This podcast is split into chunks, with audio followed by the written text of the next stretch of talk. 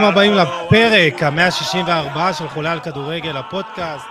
אז אחרי פרק הסיכום של גמר המונדיאל, בזווית קצת יותר רחבה וכללית, החלטתי שחייב לעשות סגירת מעגל עם החברים האדירים והיקרים שעשו את הספיישל על ארגנטינה, יוני מונפו וניסים חליבה. זה מגיע להם, זה מגיע לכם, והכנו לכם פרק מרגש מאוד, אז ואמוס uh, ארגנטינה.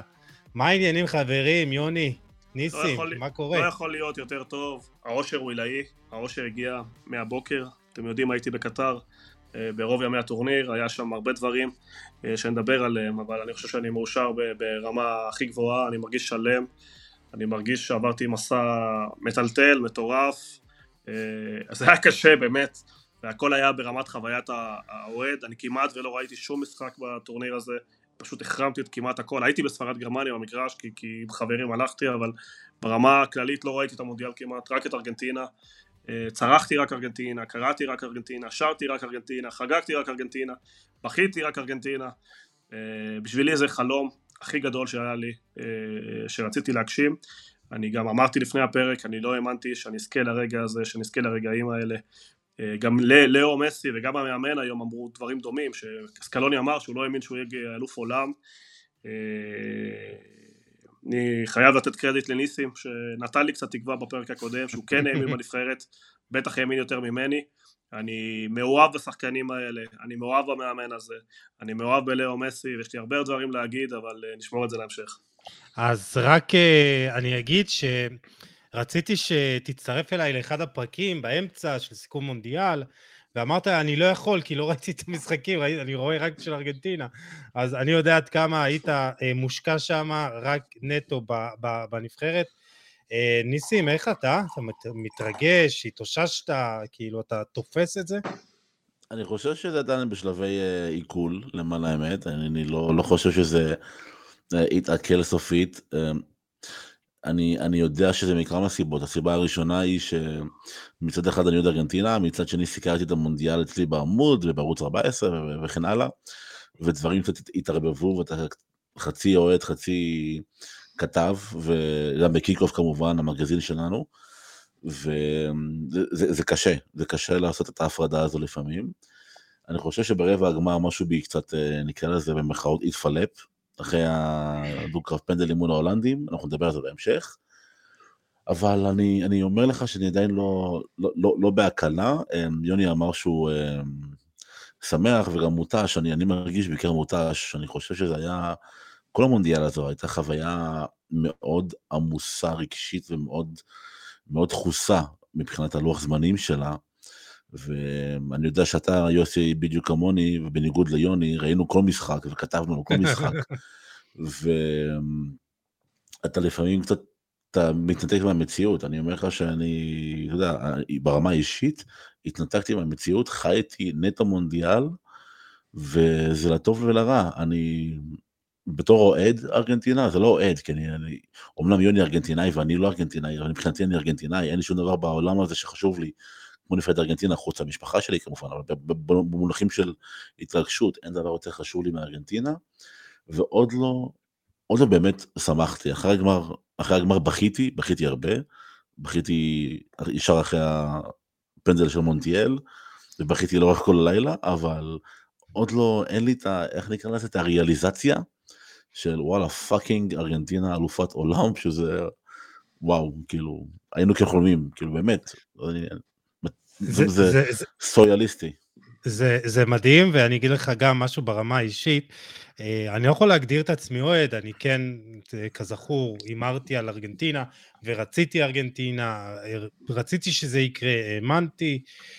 אה, אבל ברמה האישית, כמוני כמוך ניסים, אנחנו סיקרנו את זה והרגשתי שבטורניר הזה אפילו עוד יותר, כי עשינו את כל פרקי הספיישלים ואתה מדבר באלף ואחד מקומות ופלטפורמות, אז זה אינטנסיבי אה, וזה באמת אה, שאפו.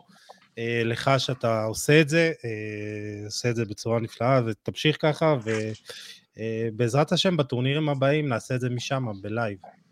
אמן. אני כן יכול להגיד לך שזו... שזו פעם ראשונה אני חושב, אולי בגלל שזה גם, גם בקטר וגם ארבעה משחקים ביום וגם uh, בשעות נוחות, אני באמת חושב שכל עם ישראל יתחבר לטורניר הזה, באמת, ברמה פסיכית לחלוטין. אני חושב שלאו מסי הגיע פה, לפחות בארץ, לא יודע איך זה בעולם, אבל אני, משוכנע שזה גם ככה בעולם, אבל בארץ הוא הגיע לממדים שאני זוכר אך ורק ממייקל ג'ורדן. אני לא זוכר גלי אהבה כאלו.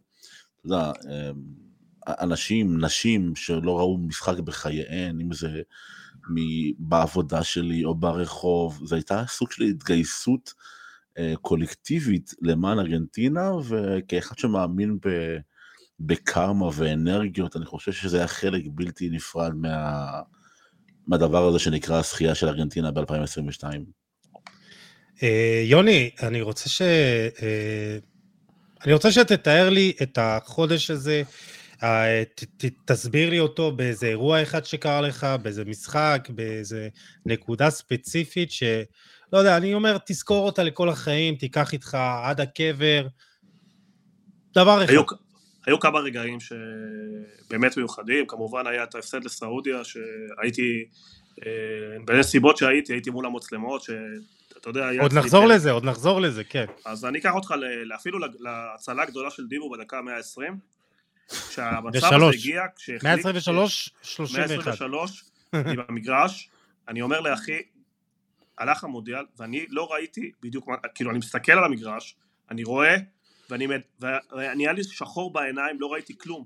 אני חשבתי שהכדור פגע לו ביד בכלל, אני בכלל לא הבנתי מה קורה שם, אני באמת לא הצלחתי לראות מבחינה אה, ויזואלית, זה השפיע לי על, על, על, על הראייה, אני ראיתי במסך שחור, ראיתי את כל החלום הזה נגמר, שהוא היה כל כך קרוב, בטח בגמר, הוא היה כזה כבר בידיים שלנו, ואני גם רוצה להגיד לך, את השלוש שתיים של מסי לא חגגתי, לא, לא הסכמתי, אמרתי לאחי, תשב, בוא נחכה שיגמר, לא, לא, כבר לא יכולתי כבר, אה, אתה יודע, כל כך הרבה תסריטים, כל כך עליות וירידות, ואני לא יודע, אולי המשחק נגד הולנד גם הכשיר את, ה, את היכולת לעמוד בזה, כי נגד הולנד בשתיים שתיים, במרקה האחרונה, בשנייה האחרונה, הלב שלי ירד ל... ל, ל, ל, ל לא יודע לאן, ראיתי רק, אה, אתה יודע, איבדתי את כל ה...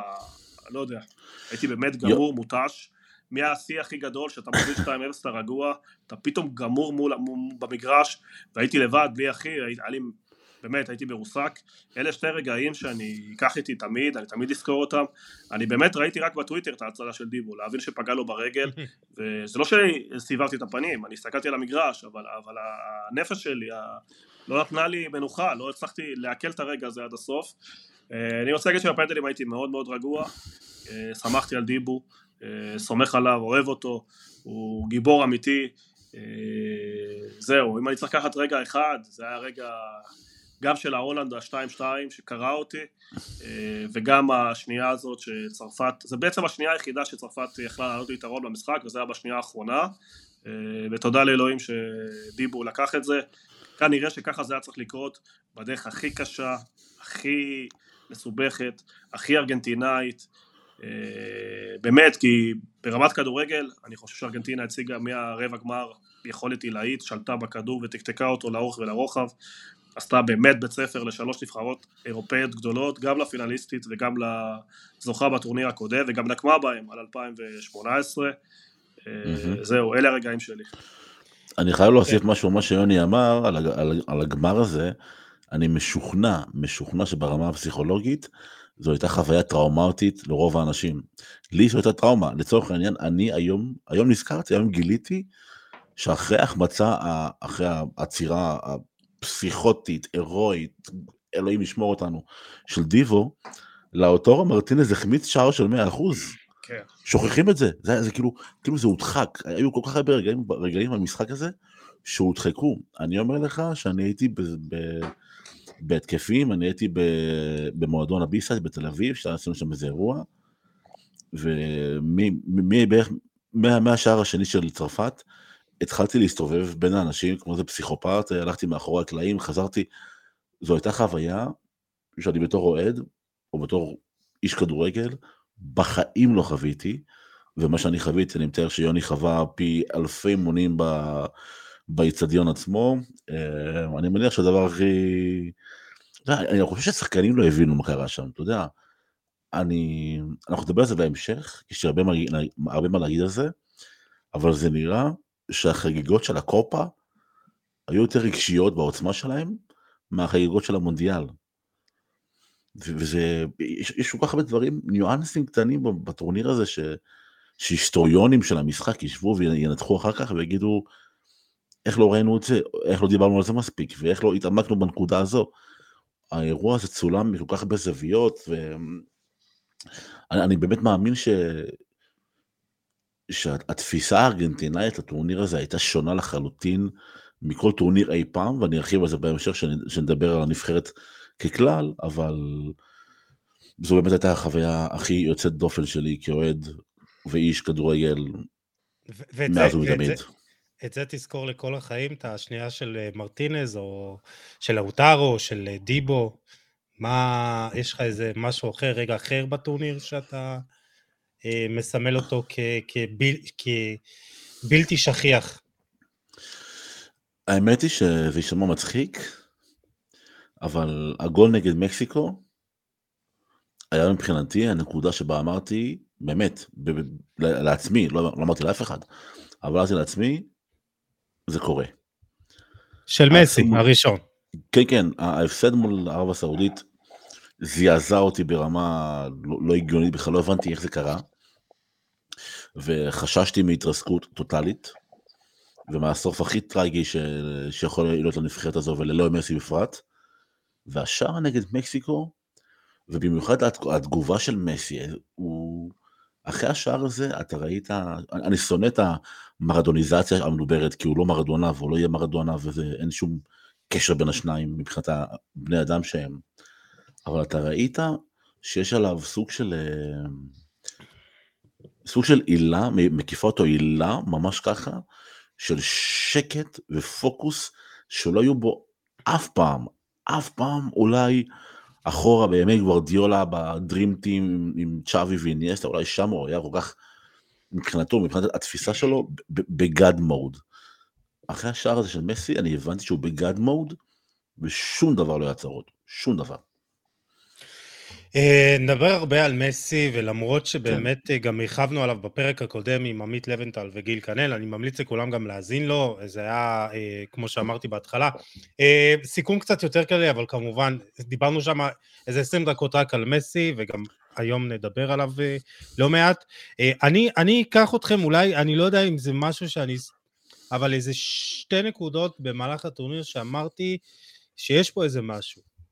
דווקא אחרי ההפסד נגד אה, ערב הסעודית, אתה יודע, אני גם, אה, אני מאוד אוהב סטטיסטיקה, ואני אוהב, מאוד אוהב אה, ככה גם להסתכל על אקסג'י וכל הנתונים האלו, וגם על איך שהלך המשחק, אמרתי, זה היה הפסד מבאס, זה היה השפלה, בוא נגיד ככה, וכאילו זה לא היה אמור לקרות, אבל אמרתי, עם קצת מזל, או עם קצת דברים אחרים, שכאילו... ש, שהדברים היו הולכים אחרת, והנבדל לא נבדל של האוטרו, אז, אז זה היה נגמר אחרת, ו, ו, ואמרתי לעצמי, ארגנטינה לא שיחקה רע, בוא נגיד ככה, אם לומר את האמת, הגיעה להזדמנויות, זה היה יכול להיגמר אחרת. אז אמרתי, אתה יודע, זה, זה כאילו, זה, זה, זה לא היה כל כך נורא.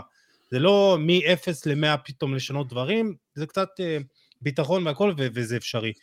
והמשחק השני אה, היה דווקא נגד פולין, זה היה 2-0 ואני לא. מאוד מאוד אהבתי. המשחק השני היה נגד מקסיקו.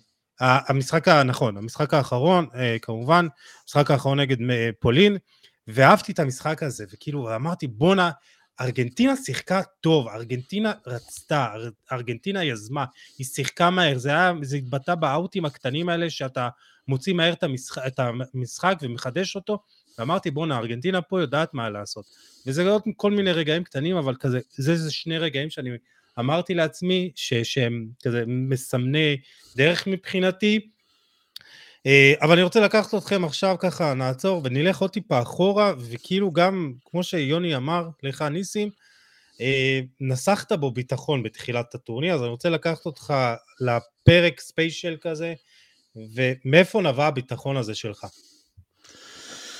אה, מאיפה נבע, טוב, קודם כל אני ראיתי, אני רואה את ארגנטינה כמו שיוני סיפר, אה, או באמת שלא סיפר, דיברנו על זה לפני ההקלטה בכלל, אה, בוקר, ערב, לילה, כל משחק של ארגנטינה אני רואה, וזו הנבחרת, א', הכי אירופית שהייתה בארגנטינה ever, ever, זו הנבחרת הכי טקטית שהייתה בארגנטינה אי פעם, חד משמעית. לא הייתה נבחרת מאומנת כזו אף פעם, ואני זוכר את ה... בטוויטר היו כל מיני לכלוכים, שזו נבחרת לא מאומנת, אה, ואני הגנתי על סקלוני בחירוף נפש, כי אני יודע שהוא מאמן יוצא מהכלל, לא, לא מאמן טוב ולא מאמן נהדר, יוצא מהכלל, טופ, טופ, טופ, באמת, מהטובים בעולם. ו... ואחרי זה גם מגיעה הפיינליסימה ונבחרת איטליה והביטול שלה. ו... ו... ו... ואתה ראית שזו נבחרת שבניגוד לש... לעבר שחיכתה לגיבור שלה, אם זה מסי ואם זה ריקלמה ואיימאר ואם זה מרדונה, תמיד נבחרת שחיכתה לגיבור שלה. ופה נבחרת ארגנטינה לא חיכתה לגיבור שלה, הגיבור, זה היה ברור שהגיבור פה, זה היה ברור שהגיבור יגיע מתישהו, אבל לא מחכים לו, עובדים קשה כל הזמן בשביל שהרגע הזה שבו הגיבור יצטרך לצוץ, יהיה הרגע האופטימלי למשחק. וזו נבחרת, אתה יודע, שאומרים עובדים למען מסי, אז כולם חושבים מה זה עובדים למען המסי. סוגרים שטחים, אה, עושים לחץ בשביל מסי, אבל דבר אחד ששוכחים, לעבוד בשביל מסי, זה לתת לו את החופש בלי הכדור, שהכדור אצל ארגנטינה, להגיע לנקודות שבו הוא נמצא. ואת זה סקלוני הצליח להטמיע בחבורה הזו בצורה המושלמת ביותר. ו... ומעבר לזה, הניצחון, הביטחון שלי אמ, היה מאוד מאוד גדול בנבחרת הזו, כי מעבר לכדורגל, יש שם, יש שם ספרטנים. יש שם שחקנים שבאופי שלהם, הם אנשים שאם תתקע להם בכל רגל שתי חניתות, והם יהיו שוטטים דם, הם ימשיכו ללכת לכיוון המטרה. אם זה אמי מרטינס שהוא... שמע, אם, אם, מסי כאילו זה מסי, מסי זה אלוהים, סבבה, אבל זה טורניר של אמי מרטינס. אנשים שוכחים, לא יודע אם בכלל זוכרים את ההצלה היא בדקה 118 אה, נגד, אה, לא, בדקה 90, סליחה. אוסטרליה. כן, נגד אוסטרליה. והפנדלים, הוא תמיד שם. והמאזינים שלך כנראה לא יראו את זה, אבל בקליפ שהראית מקודם, בקליפ של החגיגות של, של הארגנטינאים בחדר ההלבשה, כל השחקנים יושבים או עומדים מסביב, במרכז על השולחן אמי מרטינז. הוא בעצם, הוא, הוא הגבר של החבורה הזו, והוא ביחד עם דה פול, ביחד עם די מריה, ביחד עם פרדס, הם שחקנים א' לוחמים וב' נטולי אגו, אתה יודע, פתאום פרדס שהוא שחקן בנקר, פום, יורד לספסל, אתה לא מספיק טוב, אתה לא בכושר, והכל בסדר, והוא מחבק והוא דוחף. זו נבחרת שכל הזמן דוחפת קדימה, ואין הרבה כאלו, ובגמר, אתה ראית את השירה של הארגנטינאים בהמנון, כמה הם שם ברמה של, שוב, ספרטנים.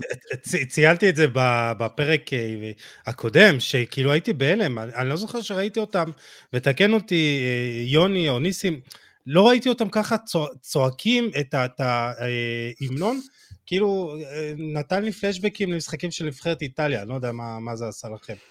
יוני... ארגנטינה ואיטליה זה נבחרות מאוד דומות במסורת okay. אוקיי. שלהם וביכולות שלהם, וכן, אתה צודק, גם מסי לא היה שר את ההמנון, וחלק ממה שניסים לא אוהב במרדוניזציה זה שהוא כן התחיל אה, לפני כמה שנים לשיר את ההמנון וכן התחיל אה, לריב עם היריבים שצריך וכן התחיל להשפיע או לנסות להשפיע על השופטים בלחץ שהוא מפעיל וזה הדברים שארגנטינה ציפתה, רצתה וקיבלה ממנו וזה מה שהוביל לכל התיאוריות המרדוניזציה. אני כן רוצה להוסיף משהו לגבי סגנון המשחק אה, כשניסים אומר אירופאיות אני קצת רוצה להגיד שהמאמנים האירופאים לפחות ברמת נבחרת לא ברמת קבוצה בעיניי הם פחדנים, הם הולכים יותר מדי אחורה, יותר מדי משחק מעבר, הפכו את המשחק הזה למשחק אתלטיקה, למשחק של מהירות בלבד, אה, עם אפס סיכונים. אני חושב שסקלוני צריך לקבל הערכה עצומה, ללכת לשחק 4-3-3 מול צרפת עם בלם בין 37 או בין 35, סליחה, אוטמנדי, שהוא כבר איטי ולא יכול להתמודד. כלומר, כל עיבוד כדור שלך, כל עיבוד כדור שלך, יש לך 50 מטר לסגור, שאין לך מי שיסגור אותם. והוא עשה את זה כמו גבר, והוא הוביל את המשחק, והשחקן שהוא הכניס זה השחקן ששיחקו עליו כל המחצית השנייה, דימריה, אה, וזה חלק מההתאמות הטקטיות שסקלוני יכול לעשות, אה, וזה כדורגל שצריך לשחק אותו יותר, כדורגל של פוזיישון. הכדור הוא המשחק, אתה צריך לשחק, ואתה צריך ליזום, ואתה צריך לרצות לנצח, וארגנטינה עשתה את זה מהמשחק נגד פולין, לקחה את הכדור ולא נתנה ליריבות לגעת בו.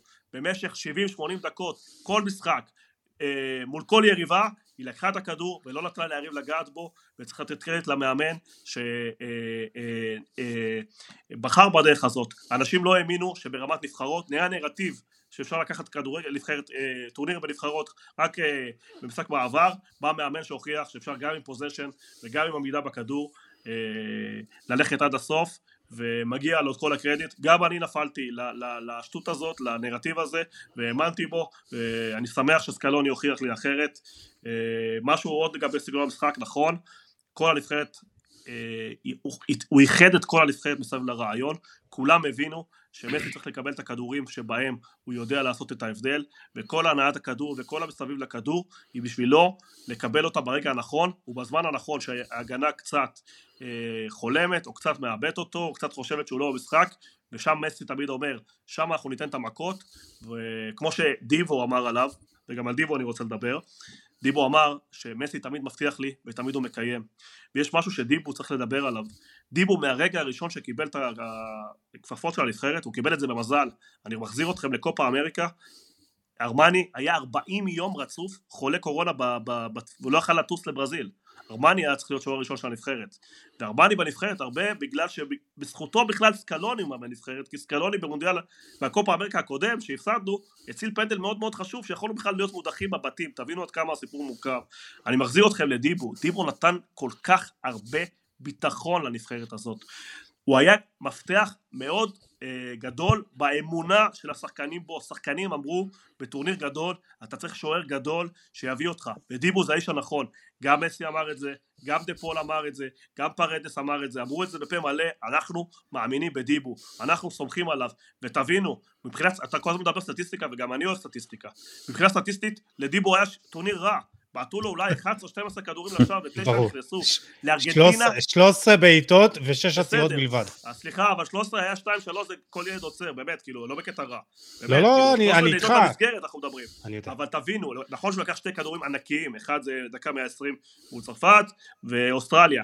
אבל דיבו הוא גיבור הטורניר הזה, לא פחות מסקלוני, לא פחות ממסי, הוא נתן לנבחרת הזאת גם ביטחון, הוא דמות גדולה, כל התרגילים האלה שמלכלכים עליהם בכל מיני טוויטרים, חבר'ה, זה עבודה פסיכולוגית מדרגה ראשונה, להעביר מסר ליריב, להפחית את היריב, לתת לו בראש שצריך, אה, באמת, שאני מרגיש, באמת אני מרגיש שדיבו, אם דיבו היה שוער נבחרת אה, במונדיאלים האחרים, ארגנטינה לא הייתה מפסידה גם לצרפת, ארגנטינה הייתה נבחרת זוועתית ב-2018, ואני לא מפסיד את המשחק הזה עם דיבו, ואני לא מפסיד את הגמר ב-2014, וגם אם זה לא נכון, זה שנותן לי להאמין בו ולהעריך אותו, מבחינתי זה שווה הכל.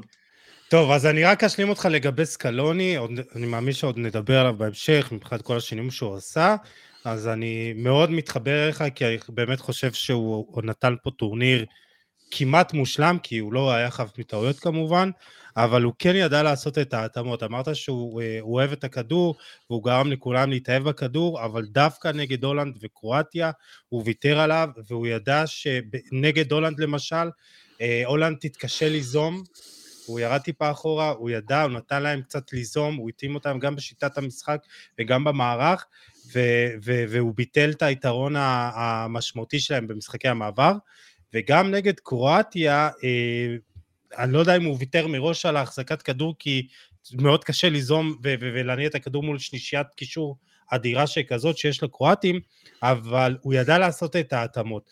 ופה באמת מגיעה ההערכה שלי אה, כלפיו, כי, כי הוא ידע להיות גמיש במקומות הנכונים ולעשות את השינויים כבר מהמשחק הראשון, אה, כבר אחרי המשחק הראשון, אבל בואו בוא נתקדם קצת ו, ו, נדבר על המשחק הראשון נגד סעודיה. יוני, אתה, אה, אמרנו, היית שם בקטר, אבל במשחק הראשון היית פה בישראל, ו...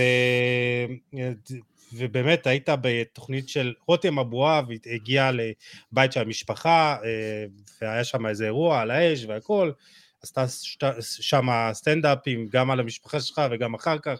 השתתפת, היה לך קטע ככה יפה עם האוף סייד וזה וזה, אה, אבל אני, אני חשבתי על זה אחר כך, אמרתי, אני לא יודע כאילו איך זה יצא אחרי ההפסד הזה, של הפסד לסעודיה, ואתם שם, וכאילו הכל מתערבב ברגע של אירוע שכזה, כאילו שאמור להיות סטנדאפ, ופתאום אתם מבינים שהפסדתם, ארגנטינה הפסידה לסעודיה, אני לא הייתי רוצה להתחלף איתכם באותו רגע.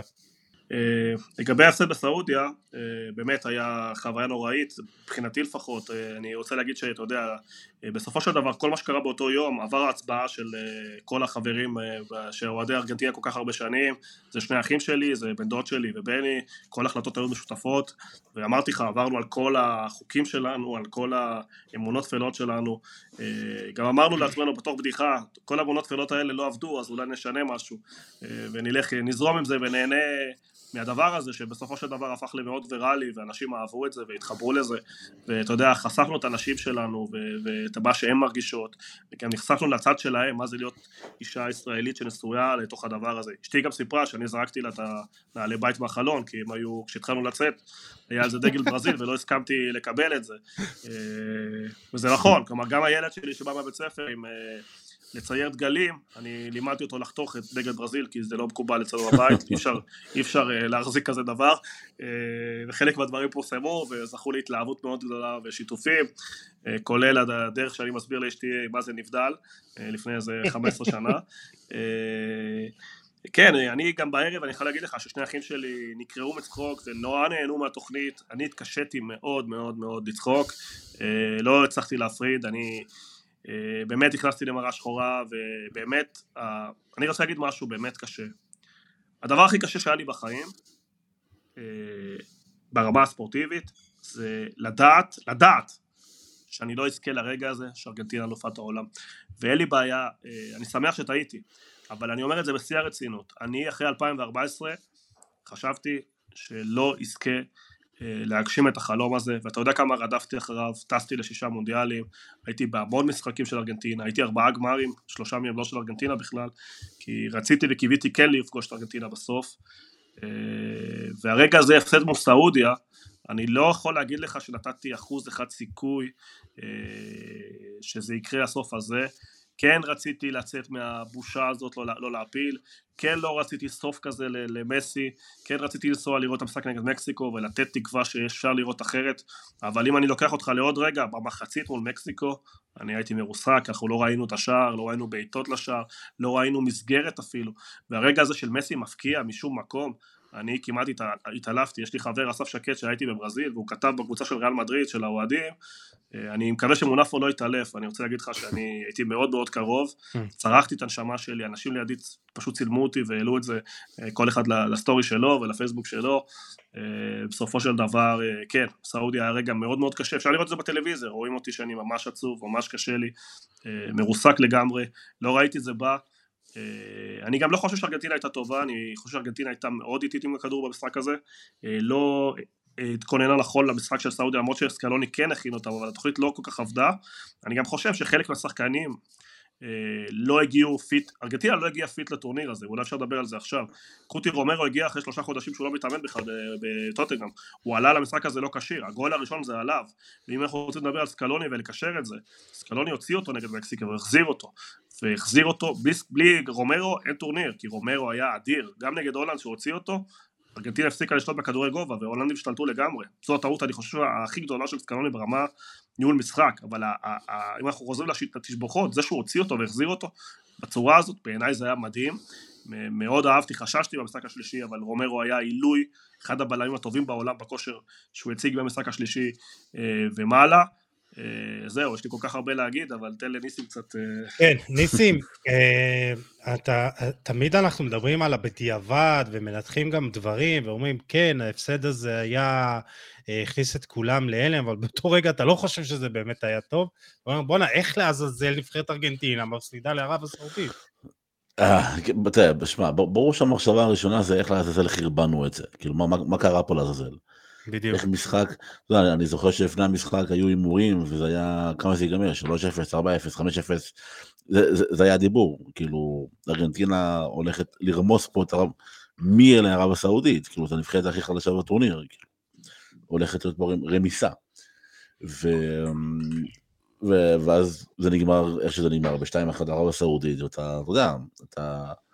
אז, אז, או שאתה חושב על הנורא ביותר, שלא להפיל מהבית הזה, אתה, אתה נכנס לחור שחור, אתה נכנס, אמר יוני מראה שחורה, זו ההגדרה המצוינת. אני, אני כבר התחלתי לדמיין את התסריטים של יום אבל לאומי בארגנטינה, ו, mm.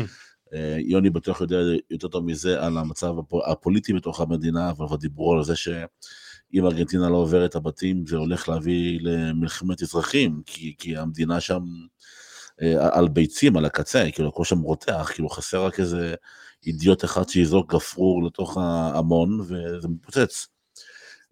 אז כאילו היה פה, מעבר לחשש לנבחרת ארגנטינה, היה פה די סוג של חשש לאומה הארגנטינאית, כאילו זה היה יכול להיות אחד הרגעים הכואבים של האומה הארגנטינאית ש, ש, שחוותה אי פעם, אבל אני, אני חושב שההפסד הזה בדיעבד כמובן עשה טוב לנבחרת, כי הוא היה, הוא היה סוג של ריסטארט, כי צריך לזכור שארגנטינה הגיעה הבלתי מנוצחת, והנבחרת שניצחה את ברזיל בגמר, ואחרי זה הנבחרת שניצחה את איטליה בגמר, זאת אומרת, כאילו, מי, מי יכול בכלל עלינו? כאילו, זו הנבחרת הכי טובה בעולם, נקודה. ודיברו על פייבוריטית, פייבוריטית, פייבוריטית, יחד עם ברזיל וצרפת ואפילו פורטוגל, ו, ופתאום אתה מגיע למצב של לא רק שלא פייבוריטית, בוא'נה, יש מצב שלא עולים מהבית הראשון, מהבית. אז... אמ, אבל שוב, אני, אני חושב שהדבר הכי קריטי בטורנירים קצר, קצרים, זה היכולת לשמור על אה, מתח גבוה לאורך כל התקופה הזו. ואני חושב שהעובדה שארגנטינה הגיעה עם הגב לקיר לכל משחק, שמרה אותה במתח מאוד מאוד גבוה לאורך כל הטורניר הזה, ולא גרמה לה להיכנס לאיזה מוד נונשלנטי. אני באמת מאמין שבמשחק הגמר, צרפת הגיעה במעין נונשלנטיות. לא מחה, הם לא שחקו כמובן, אבל הייתה תחושה שהם יודעים שהם יותר טובים ברמה האיכותית, ולא משנה איכשהו זה, אנחנו נשמור על השער הנקי ועוד אמבלה, למרות שהוא בטורניר גרוע, אבל משהו יקרה מקדימה, האיכות תנצח. ו... והגענו למצב שלא, האיכות לא ניצחה, רחוקה מן הנצח. ואני חושב שההפסד לרב הסעודית היה בעצם הריסטארט, חזרה לסקוורי נאפינג, שאומרת, ארגנטינה צריכה ויכולה, או חייבת, להתאפס על עצמה. וזה בעצם הגדולה של המשחק הזה.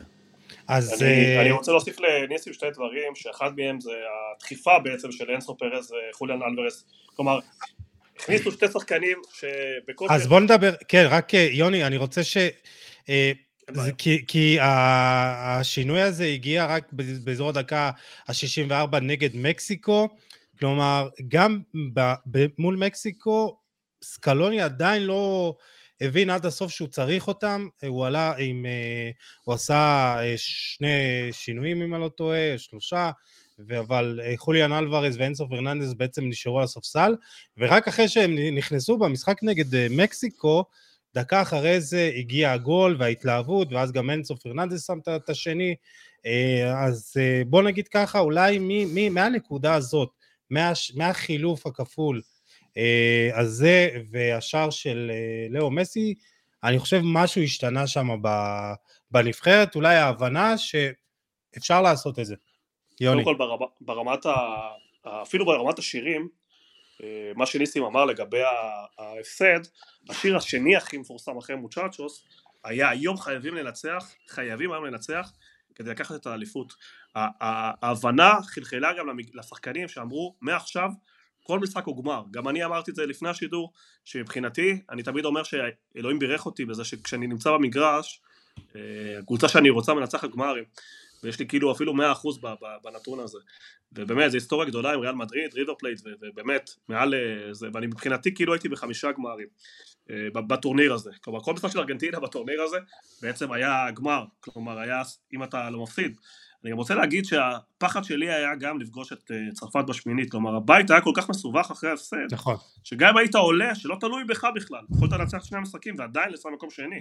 במקום שני מול צרפת בשמינית גמר, זה לא אותו דבר כמו לפגוש אותם בגמר ברמת הלחץ וברמת הזיכרון מ-4-3, אה, מול צרפת, שאני גם דיברתי על זה הרבה מועדים, שנכון שהפסדנו 4-3 ודקה 90 כמעט השווינו, ואם היינו משווים היינו פוגשים צרפת אה, שעשתה כבר חילופים של גריזמן ומבפה בהערכה, אה, היינו פוגשים את צרפת במצב לא טוב, כלומר המצב היה נוח לעבור אותם בהערכה, ומסי היה קרוב להשוות, אבל אם אני חוזר לטורניר הזה, אז אה, צריך להבין שגם היה לי על זה הרבה שיחות עם אחי, שרצה את uh, חוליאן בפנים. Uh, שלוש שנים האלה של uh, סקלוני, שמדברים על 41 משחקים והפסד יחיד של נגד סעודיה, פרדס, לאוטרו מרטינס, היו הכוכבים בין הגדולים של הנבחרת, היו שחקנים מאוד מאוד משמעותיים, ולהוציא אותם בשביל שני הילדים האלה מריבר, לסקלוני לקח טיפה זמן, אבל דיברנו על זה הרבה בפרקים שלנו של ההכנה, שחשוב בטורנירים האלה לזהות מי השחקנים בכושר ולעשות התאמות.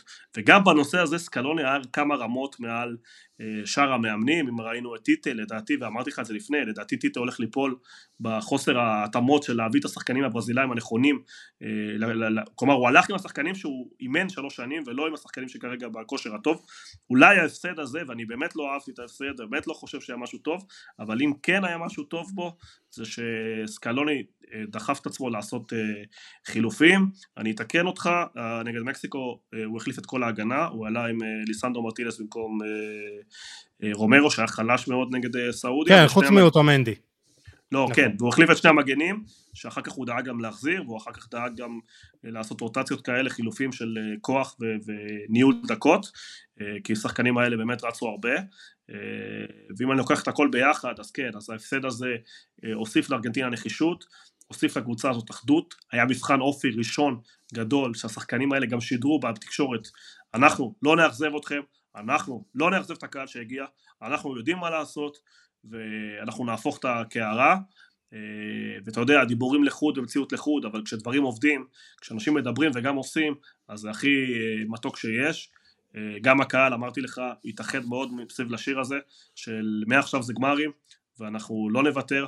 אני רוצה להגיד לך שבמחצית נגד מקסיקו, ומקסיקו שלטו בקהל במשחק הזה, כי היה להם קהל מטורף.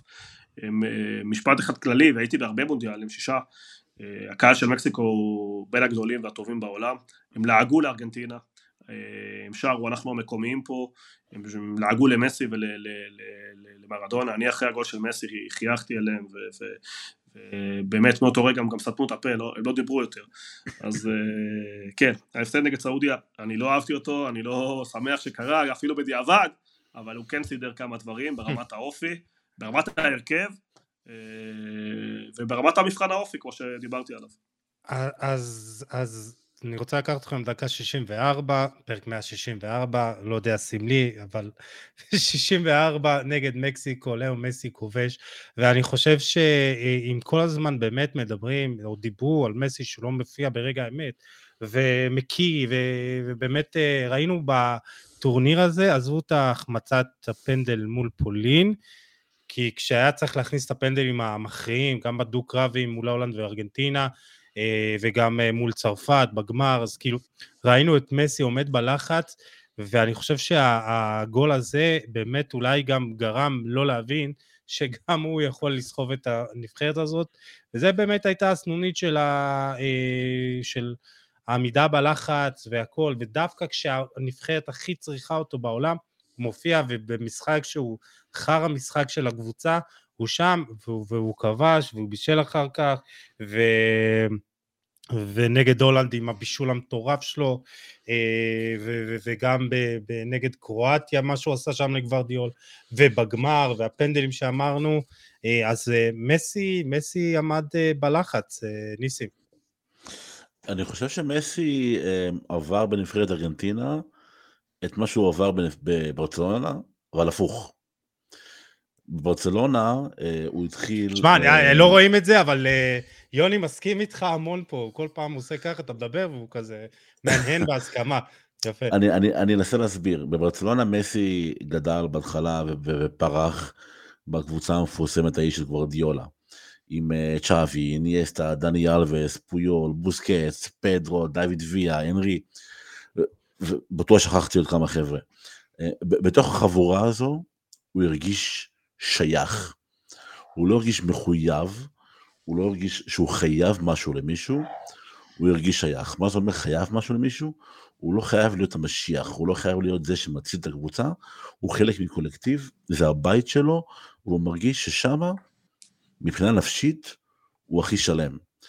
ולאט לאט ברצלונה התחילה להתפרק, להתמוסס. ולאט לאט מסי התחיל להתנתק מברצלונה.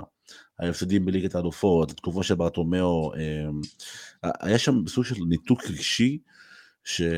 שהפך את מסי מאחד שמרגיש שהוא אוהב את הבית, שהוא סובל בבית. בארגנטינה זה היה הפוך.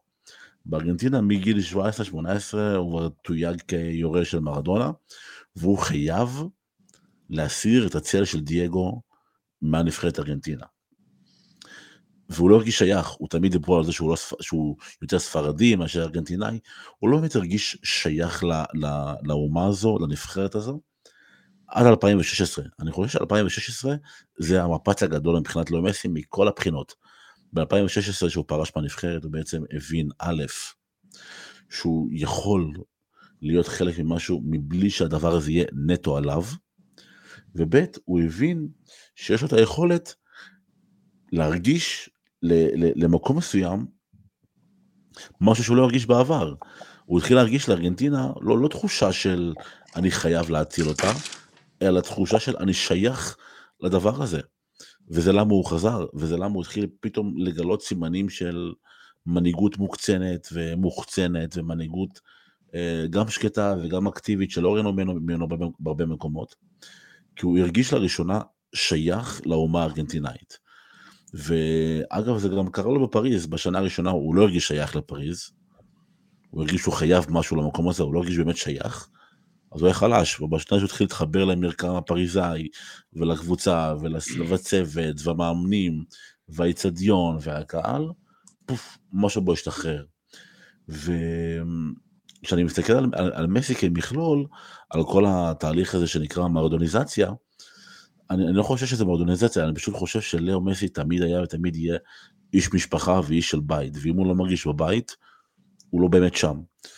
ובחמש, שש שנים האחרונות, השנים, השנים האחרונות, הוא מרגיש בבית, למרות ההפסדים ולמרות הכישלונות בארגנטינה, הוא הרגיש לראשונה שהוא בבית. וכשמסי מרגיש בבית, הוא, יש לו את האקסטרה ביטחון הזה, את האקסטרה אמונה הזו, שהוא יכול לעשות כל דבר. ואני חושב שזה בלט לאורך כל הטורניר, אם תשים לב, מסי לאורך כל הטורניר, בכל משחק, לא היה לו את הדקות האלה שהוא נעלם, לא היה לו את הדקות האלה שהוא מתחבא קצת, הוא בכל משחק בא לכדור, ירד אחורה, בחצי גמר ובגמר הוא תיקל כמו משוגע. הוא היה שם בכל עוצמתו, כי, כי א' הוא יודע שמן הסתם זה הצ'אנס האחרון שלו, ואין פה ספק בכלל, אבל ב', הוא, אני באמת מאמין שמאותה זכייה בקופה, הקופה שחררה, שחררה לו את הקוף. הוא כבר לא בצל של דייגו, הוא לא בצל של אף אחד.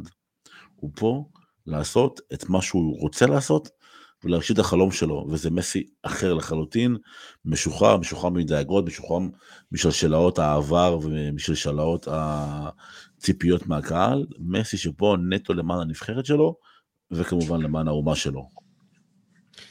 אה, זה, זה בהחלט, ודיברנו אה, בהחלט ש, ש, שהיה איזה שינוי, אבל אני חושב שאם אתה לא רוצה לכנות את זה מרדנוזציה, אז כן היית מכנה את זה אה, הבעת רגשות, או, או, או, או ללמוד להביע את הרגשות שלך, אה, ולהיות מוחצן יותר, ולהיות... אה, פחות המנהיג השקט הזה, אלא יותר המנהיג אה, שבאמת אה, אה, מוביל דרך מסוימת ו- ומראה לכולם שיש על מי לסמוך, גם במעשים ופחות אפילו, ופחות בפעולות על המגרש, וזה היה הרעיונות אחרי משחק, וזה היה הדברים הקטנים האלה עם... בתוך המשחק, אפילו זה שהוא לא לחץ את היד לפרישיץ בחצי גמר, וזה דברים קטנים כאלה שאתה אומר, זה לא מסי, זה, זה לא מסי שכביכול אנחנו מכירים, כי הוא לא היה עושה את הדברים האלה. זה היה מסי הרבה יותר מוכוון מטרה, אה, ודיברנו על איך, איך שהוא בא מוכן לטורניר הזה. אה, כי, אני רוצה שאני... כי זה היה, כי זה היה מסי ארגנטינאי, מסי סופג את האווירה של הבית, והבית שלו, הבית הנוכחי שלו, מלא בפסיכופטים, לא, עזוב שהם ארגנטינאים, פסיכופטים. אמי מרטינז הוא פסיכופט, הוא שרוט על כל הראש, הבן אדם שרוט, באמת. כן. פרדס, דה פול, אוטמנדי, שמע, קוטי רומרו זה בן אדם, הוא אף פעם לא חייך, לא ראיתי אותו מחייך אף פעם, הוא כל הזמן פרצוף של God of War. אין כן. חבורה של פסיכופטים, והוא ספג את זה. כמו שבברצלונה ההיא של גוורדיולה, הוא ספג את האווירה של העליונות הטכנית, ואת שם הכל היה קלאסי והכל היה נקי ולא היה ריבים ותמיד לחצו ידיים ליריבים, גם בקלאסיקו הכי קשוחים שיש, הם היו תמיד מה שנקרא אלה שהם עליונים מבחינה מוסרית. ופה במשחק, פה בארגנטינה, בארגנטינה אין לו מוסר. ארגנטינה, אתה יודע, זה מדינה שאנשים נלחמים על אוכל ברחוב, לא כן. ציפה בהקצנה, אבל כאילו, המצב שם קשה, מדינה קשה. אז הוא, הוא, הוא ספג את האווירה הארגנטינאית, הוא פשוט ספג, מסי הוא איש של בית. מה שהבית, מה שקורה בבית, כל שטוב לו בבית, גם אם הבית פסיכוטי, משוגע, כועס, עצבני, אם טוב לו שם, הוא סופג את זה. והוא ספג את ארגנטינה, זה לא, זה לא מסי שעבר מרדוניזציה, זה מסי שעבר פול ארגנטיניזציה. אה, אני יכול להסכים עם זה, אה, פשוט אתה יודע, אולי אה, נקבל את העובדה שכל בן אדם מתבגר בזמן שלו, ויש כאלה שמתבגרים בגיל 19, יש כאלה בגיל 35 כמו מסי. המשחק מול פולין, אמרתי את זה מקודם, שבאמת הרגשתי שזה היה איזה שינוי באמת של פתאום ארגנטינה משחקת כמו שצריך, גם אה, אה, סקלוני שינה סוף סוף את המערך, וארגנטינה עברה ל-4-3-3, אה, שבעצם גם אה, חוליאן אלברס אה, הגיע ועלה בהרכב, וגם אנסו פרננדס, ושם באמת ראיתי שיש פה איזה משהו אחר. אני התלהבתי, אני, היה לי גם, אתה זוכר, ניסים את הדיון הזה עם אה, רז אמיר בטוויטר, ובאמת אמרתי, ארגנטינה שיחקה מעולה, כאילו הרגשתי שיש פה איזה משהו שונה, שארגנטינה משחקת עם התלהבות. היא יודעת מה היא רוצה, היא עושה את השינויים ההכרחיים, ואולי זה לא התבטא באיזה משחק אגפים משובח, אבל... זו, זו ארגנטינה, היא קוטשת דרך האמצע והיא קוטשת אותך, וראינו את זה הרבה יותר משמעותי בדרך, אה, במשחק נגד קרואטיה. אמ, יוני, במשחק נגד פולין אתה כבר שם, אתה מרגיש איזה משהו שאתה אומר לעצמך? ראיתי אה, משחק, אחד כן. החד צדדיים שראיתי בחיים שלי, נבחרת אחת במגרש, אני גם לא מאלה שמזלזלים, פולין, כן. פולין נבחרת טובה, אה, ראויה, עשתה גם אה, בדקות רבות צרות גם לצרפת בשמינית, אה, זה היה משחק חד צדדי, ארגנטינה לקחה את הכדור ושלטה בו לאורך כל המגרש, יצרה הרבה מצבים, חוליאן היה מצוין בתנועה ולקח לו זמן, החמיץ פעמיים שלוש, גם מסי החמיץ פנדל, גם צריך לתת קרדיט לשצ'סני שנתן מחצית מצוינת.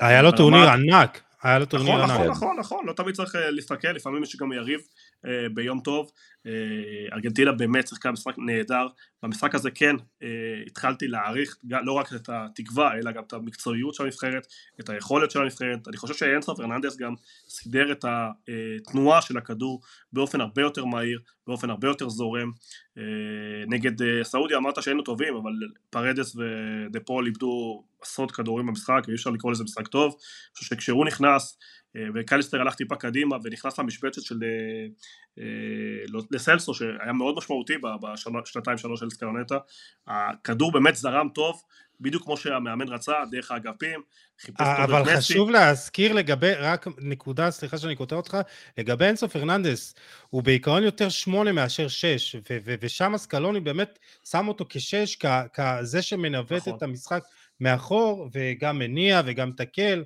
אז זה מראה גם על היכולות הוורסטיליות שלו. הוא שיחק, הוא שיחק הרבה תפקידים, הוא עושה גם דאבל, אה, הוא עושה גם דקות עם פרנדס בתור דאבל, אה, נכון.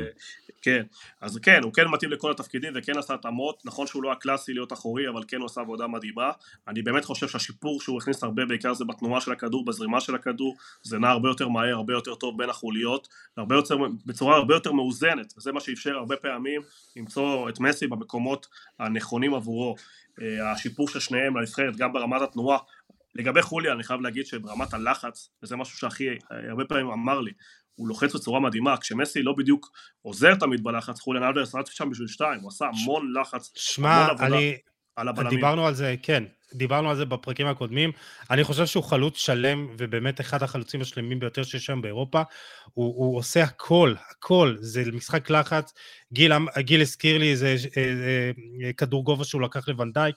הוא לוחץ הוא עושה הכי הרבה ספרינטים במגרש, כמעט בכל משחק הוא מתקל, הוא, הוא, ועזוב שהוא גם, גם אה, מבשל, גם דריבליסט, גם סקורר, גם יכול לתת לך, אתה יודע, כדורים מצד לצד, אני, הוא פשוט ענק. אני לא זוכר את פפ וורדיולה מעלל שחקן שלו, כמו שהוא מעלל חוליאן אלברס, הוא מדבר עליו ללא הפסקה, ללא ערף. חלק מזה זה כי חוליאן גם, לא רק שהוא שחקן על, הוא גם מוכן לשבת בספסל כל כך הרבה דקות ולהיות מחליף של שחקן כמו אהלן, הוא גם אישיות מאוד מאוד מיוחדת שכולם אוהבים אותו וכן, אה, ברמה ההתקפית, הוא גם במספרים זה בא לידי ביטוי, הוא תרם ארבעה שערים וזה מדהים, אבל גם ברמה ההגנתית הוא עשה אה, טורניר מדהים, מדהים. אני רוצה להגיד משהו על מסי לגבי מה שניסים אמר לגבי הקריירה ברצלונה. ברמת הקבוצה, הכל בא לו קל, הכל בא לו על מגש. נכון שהוא עילוי ונכון שהוא שחקן גדול, אבל מגיל צעיר הוא מוביל את ברצלונה לאליפויות, לליגת אלופות, לתארים, שובר שיאים של שערים, גם אישיים, גם קבוצתיים, הכל בא לו קל, ובנבחרת לאורך כל השנים הכל הלך לו קשה, והלך לו קשה מאוד, ועוד פעם להפסיד גמר, ועוד פעם להפסיד גמר, הוא הפסיד גמר מונדיאל, והוא אמר פעם, אם הייתי זוכה בגמר מונדיאל, היה קל יותר לזכות בגמר עם קופה אמריקה שארגנטינה הפסידה, וניסו לייחס משהו שאני ממש כועס, ואני חייב לתקן פה אנשים, ניסו לייחס לארגנטינה אה, אה, משפטי כמו לוזרים ודברים כאלה. ארגנטינה הגיעה לשישה גמרי גביע העולם, זכתה בשלוש, צרפת הגיעה לארבעה, זכתה שתיים, שתיים על חמישים אחוז, תבדקו גרמניה גם הפסידה גמרים. אה, אי אפשר ברמות האלה, שהכל תלוי לפעמים גם בפנדלים, מזל, יום לא טוב של שוער, שופט, כל הזמן לנצח.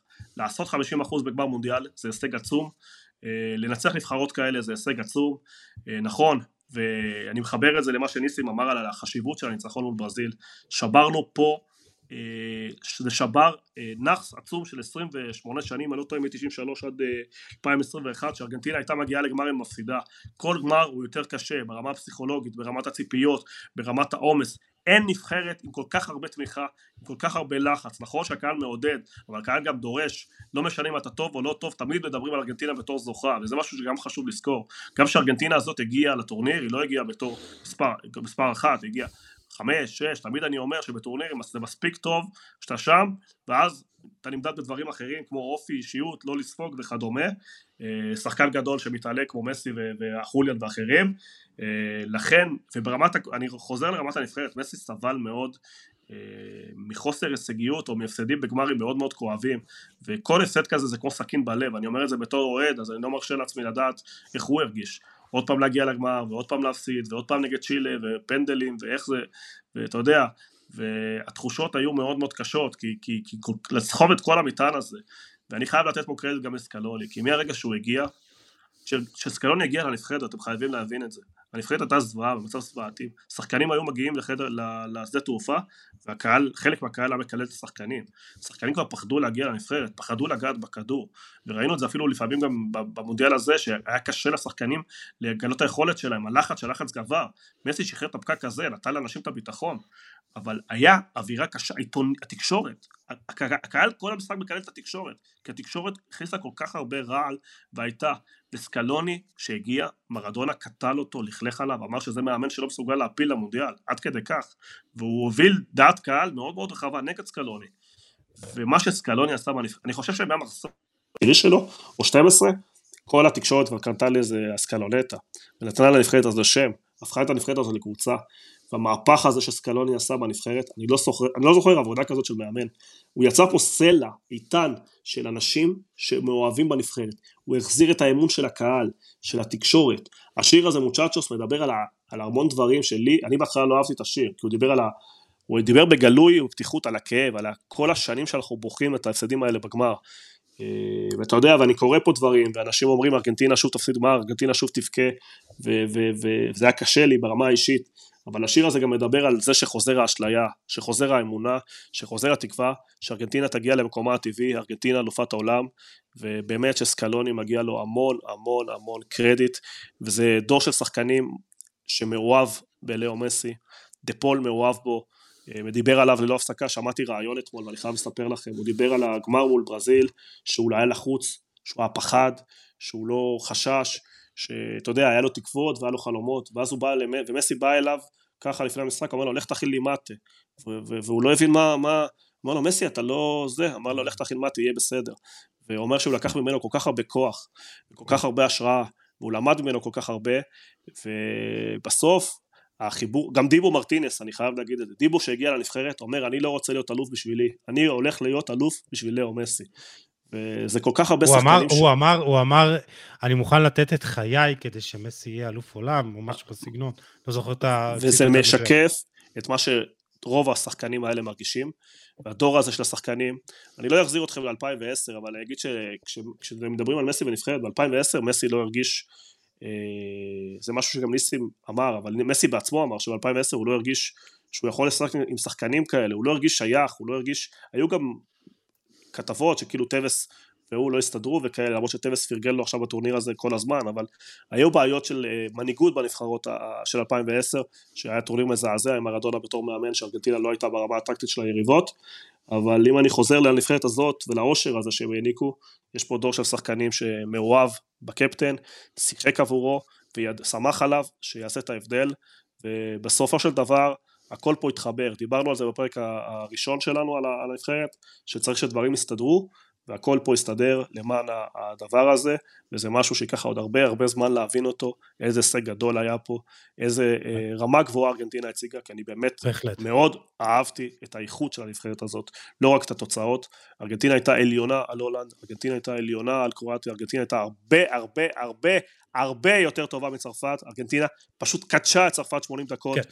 אם לא טעות של אוטמנדי ב-2-1, אה, אני, אני לא חושב שצרפת אה, בכלל חוזרת, ארגנטינה הייתה קרובה מאוד ל-3-0 בכל מיני מצבים שאוגו לוריס הציל, נכון. צרפת לא ראתה קרוב לשער וצריך לדבר על זה ברמה המקצועית, אני אולי לא עושה פה, אה, אני לא זוכר את כל הגמרים, אבל אני חושב שזה אחד הגמרים הכי חד צדדיים שאני ראיתי, אתה... ארגנטינה, ואני רוצה להגיד משהו שסקלוני אמר, וזה מחבר אותי לכל הנושא של המנטליות. אומר, הוא אמר את זה אחרי הגמר, ארגנטינה, השחקנים שלי 90 דקות היו ראויים לנצח ברמה המקצועית, אחרי 120 דקות הם היו ראויים לנצח והתוצאה לא עשתה איתם צדק, והשחקנים האלה היו צריכים להגיע לפנדלים עם, ה... עם ההרגשה הזאת שעשו להם פעמיים עוול במשחק אחד וללכת עם ביטחון. והדבר הזה. שנוצר פה אה, והשחקנים יצרו פה הוא מעבר ל... ל... לכל דבר אה, גם ברמה המנטלית ארגנטינה הייתה הכי טובה. ואני יכול להגיד את זה עכשיו בתור אוהד כשיריב שלך תיקו לא טוב לו, כי הוא לא יכול לנצח אותך בפנדלים, אז היתרון פה הוא גם uh, ברמה המנטלית מאוד מאוד גדול. אז uh, עוד נדבר על הגמר והכל, ואני רוצה לקחת אתכם, היה לי איזה משהו שככה ברח לי מה, מהראש, אבל מקווה ש... על, על דברים שאמרת, אבל מקווה שזה יחזור לי אחר כך. ו, ודיברת על מנטליות, ואני חושב שעוד איזה... דיברנו על ההצלה של אה, דיבו מרטינס אה, נגד אוסטרליה ככה בסיום המשחק, וזה משהו שגם אמרתי בפרק הקודם, אבל חשוב גם להזכיר אותו עכשיו. בטורניר שכזה אתה באמת, אה, יש חשיבות עצומה להיבט הפסיכולוגי של כל מה שקורה ו- ו- ולהרים את עצמך, כי בקלות אתה יכול ליפול לבור שחור, והוא מספר אחרי הניצחון על מקסיקו, דיבו מרטינס, שהוא דיבר עם אה, אה, פסיכולוג, ובאמת שהיה לו חשוב, כי הוא לא הבין כאילו אחרי סעודיה, שהיו לו שתי בעיטות אה, למסגרת, והוא קיבל שני שערים. והוא אמר, אני לא יכול לאכזב 45 מיליון ארגנטינאים, אני, אני צריך להיות יותר טוב. ואז מגיע, כן, נחכה רגע יוני, ואז באמת הגיע הרגע הזה מול אוסטרליה, שהוא עוצר ושהכל היה יכול להתחרבן שם עוד פעם, אה, ואז קופצים עליו, אה, מי, מי היה שם? אה, ליסנדרו מרטינז ואנזו פרננדס, ומחבקים אותו, ואתה אומר, יש פה איזה משהו, כאילו זה, זה, זה הצלה שאתה אומר, יש פה איזה משהו, ש, ש, ש, איזה מטרה שמקדשים אותה ו, ו, ועובדים אה, אה, להשיג אותה. כן, יוני. יש סיפור שיצא לפני המשחק נגד מקסיקו, שדיבו מרטינס לוחש למסי, לא יכול להיות שכל בעיטה לשער נכנסת לי, אין לי מזל, אין לי מזל. ומסי לוקח את הראש שלו, שם על הלב שלו ואומר לו, דיבו, אני איתך, אני איתך. אני איתך, ודיבו מרים את הראש ונכנס עם ביטחון למשחק, זה חלק מהמנהיגות של אה, לאו מסי אה, שלא דיברו עליה. עוד משהו קטן לגבי דיבו הפסיכולוג, דיבו אמר שלפני ארבע שנים, הוא אומר את זה בתוכנית של אה, נטפליקס שעדיין אי אפשר לראות אותה בארץ, שנקראת טרנוס, שזה אנשים שצריך לזכור אותם לנצח, על נבחרת ארגנטינה ועל הקופה, הוא מספר על התהליך שהוא עבר, לפני ארבע שנים שנולד לו הבן, שהוא הכיר פסיכולוג, הרי אלימיאל מרטינס זה סיפור הזוי, עזב את ארגנטינה בגיל 17, היה שוער שלישי בארסנל במהלך עשור, השאילו אותו לכל מיני קבוצות הזויות, שגם בהם בחלק הוא בקושי שיחק, בחלק הוא שיחק אבל אה, לא היה פרץ, מסי גם דיבר על זה, אני ראיתי חלק מאוד קטן מהפרק הזה אה, כשהייתי בחו"ל ויכולתי להתחבר, כי בארץ אי אפשר, אז אה, מסי גם אמר שבארגנטינה בכלל לא הכירו אותו, לא ידעו מי זה, לא, לא, לא הבינו מאיפה הדבר הזה מגיע, אבל מהר מאוד התאהבו בו גם השחקנים וגם הקהל וגם התקשורת זוכרים לכולם מה הוא עשה בחצי גמר מול קולומביה, איך הוא שיגע את השחקנים שוב, אני מאוהב בדיבו ובאמת יכול לדבר עליו כל היום. זהו. ניסים, אנחנו מעריכים, אבל אם אתה רוצה, בכיף לדבר עוד קצת על דיבו, וככה הרגע הזה, ההצלה הזאת, אז במה שלך. אני רוצה לדבר דווקא על סקלוני, משהו נוסף. אני חושב ש... בניגוד לנבחרת הזו שהיא מאוד מוחצנת, סקלוני הוא בדיוק ההפך. הוא אדם מאוד מופנם. באחד המשחקים, אני חושב שזה היה נגד הולנד, אם אני זוכר נכון, אמ, ישר אחרי שהמשחק נגמר אחרי הפנדלים, הוא ירד לחדר ההלבשה, הוא אפילו לא חוגג עם השחקנים, הוא השאיר להם את הבמה. אמ, גם אחרי הגמר, אחרי הניצחון, יש איזה סרטון שרץ אה, ברשת שמראה בעצם את הזום על הפנים של אה, סקלוני, והוא מתאמץ שלא להביע רגש, הוא ממש מתאמץ שלא להביע רגש, ואז הוא רואה את פרדס, מסתכל עליו בעיניים, ואז כאילו קורס בבכי, מתחיל, מתייפח בבכי, ופרדס מחבק אותו. ואני חושב שמה שסקלוני עשה בנבחרת, עושה בנבחרת הזו, מזכיר מאוד את מה שזינדין זידן עשה בריאל מדריד. אה, גם ברמת ה man management, גם ברמת הטקטיקה, אין טקטיקה אחת, אין פילוסופיה אחת. פותחים ב-4-4-2, 4-3-3, סליחה, עוברים ל-4-4-2 קווים בהגנה, פתאום משחקים 3-5-2 עם הכדור, עוברים ל-3-6-1 אם צריך, 3-1-6 אה, אפילו אם צריך במקרים קיצוניים. יש המון המון דינמיות, וזה בעצם מה שגם אפיין את ריאל מדריד בהרבה משחקים בתקופת זידן, שזה לא היה טיקי טקה, וזה לא היה גגן פרסינג, וזה לא היה משהו מובהק שיכולת להגיד, או, הנה זידן. לא היה איזה משהו שאתה מסתכל, מסתכל מלמעלה ואומר כאילו זו הטקטיקה. לא, אתה פשוט ידעת שזו קבוצה, זו מילה שאני אוהב להשתמש בה, כי אני חושב שהיא נורא נורא חשובה בימינו. קבוצה מאוד היברידית, היא מסוגלת לעשות כמה דברים, היא החלאה של כמה קבוצות ביחד. ואני חושב שזה בעצם ארגנטינה של סקלוני. אבל זה, זה, זה מכוון, כאילו הגמישות הזאת והיכולת, כמובן, זה כמובן. מכוון כי, כי אתה מתאים את עצמך ליריבה, ולא כתות, כי לא, לא ממקום של חולשה, כי אתה יודע, יש מאמנים כאלה שאומרים, טוב, אני לא מסתכל על היריבה, אבל חשוב להבין ש, שסקלוני עשה את השינויים האלה בשביל לפגוע ביריבה, בשביל נכון, לנתק אותה. נכון, ושוב, גם, אתה יודע, הדברים הקטנים, הבחירה שלו בו, במקליסטר. מקליסטר אחד משחקני טורניר, היה לו טורניר פשוט יוצא מהכלל, ברמה פסיכו, פסיכוטית, לרגעים מסוימים הוא נראה כמו מסי 2 עם הכדור, קשה להוציא ממנו כדור. אני חושב שסקלוני יודע לבחור כוח אדם, יודע לבחור את האנשים שלו, וזו תכונה שהיא מאוד מאוד חשובה למאמנים, כי בסופו של יום, מי כמוך יודע יוסי, אה, אימון זה management, מעבר לטקטיקות ולמערכים ולפילוסופיות וגישות, זה man management, אתה צריך לשמור את כולם חדים, כולם מרוכזים, כולם שמחים בצורה כזו או אחרת. ואני חושב שלפני לאו מסי, למרות שהסיפור זה, ברור שזה לאו מסי והסיפור דיסני הזה שחייב להסתיים ככה ואלף ואחד דברים, הנבחרת הזאת קיבלה את הכינוי סקלונטה על שם של ליונל סקלוני, והיא ראויה להיזכר בהיסטוריה כסקלונטה. לא כנבחרת של לאו מסי, אלא כנבחרת שהרכיב לעודד סקלוני למען ארגנטינה, בזכות הכלי, הכלי הנשק הגרעיני האטומי הזה, שקוראים לו אה, לאו מסי. אני רוצה להוסיף משהו קטן כן. על אה, סקלוני, ולדבר על דור חדש של מאמנים לעומת דור ישן, וראינו את זה ברבע גמר. לואיס ולחל אמר כמה דברים על סקלוני, שזה שהוא משנה מערך, זה כי הוא מפחד מהיריב, וכשהוא משנה מערך הוא צריך שנה אחת לאמן את השחקנים שיבינו את השיטה. וכשאני דיברתי איתך על כל הפרקים, כששאלת אותי מה המערך של טטה, אמרתי לך עזוב אותך, מערכים, אין לזה הרבה חשיבות, יש לזה חשיבות כמובן, אבל מדברים על זה יותר מדי, יותר חשוב מה ה-DNA, מה הרעיון המרכזי, מה הקבוצה מנסה לעשות, ושכולם יעשו את זה, וסקלוני הוכיח את זה. גם, אה, הוכיח את זה גם בניצחונות וגם ביכולת. ועוד משהו שאני רוצה לדבר על דור חדש של מאמנים ודור אה, אה, שמייחד את אה, מנחל, נכון שהוא עשה שינויים, אבל תמיד הוא היה צועק על שחקנים, מעליב שחקנים. הדרך של סקלוני לנהל את השחקנים האלה הייתה בדרך שיחה של כנות. אנשים אוהבים היום, כשאתה אומר להם שחקנים אוהבים, ותשאל שחקנים, יגידו לך אנשים אוהבים לשמוע את האמת, גם שהם טובים, לא אוהבים שמערבבים אותם. והוא עשה את זה עם המון המון המון רגישות. הוא הגיע לשחקנים ושכנע את כולם להאמין בדרך שלו, ולהאמין בדרך שלו בצורה מכובדת, לא בצעקות, לא בהעלבות, לא בהשפלות, בדרך של לשכנע אותם ברעיון, והשחקנים האמינו בדרך שלו. לכן שהוא שינה מערכים ושינה דברים, והיה צריך להושיב שחקנים כאלה גדולים בספסל, אם זה לאוטרו מרטינס שנתן לו שלוש שנים גדולות, אם זה פרדה שנתן לו שנים שנים גדולות, הם הבינו שזה לא הרגע שלהם, הם ישבו בספסל, ושהיה צריך אותם בפנדלים, הם עלו ונתנו, ושלא שיחקו, הם עודדו את החברים שלהם. והוא שיתף את, לדבר... השח...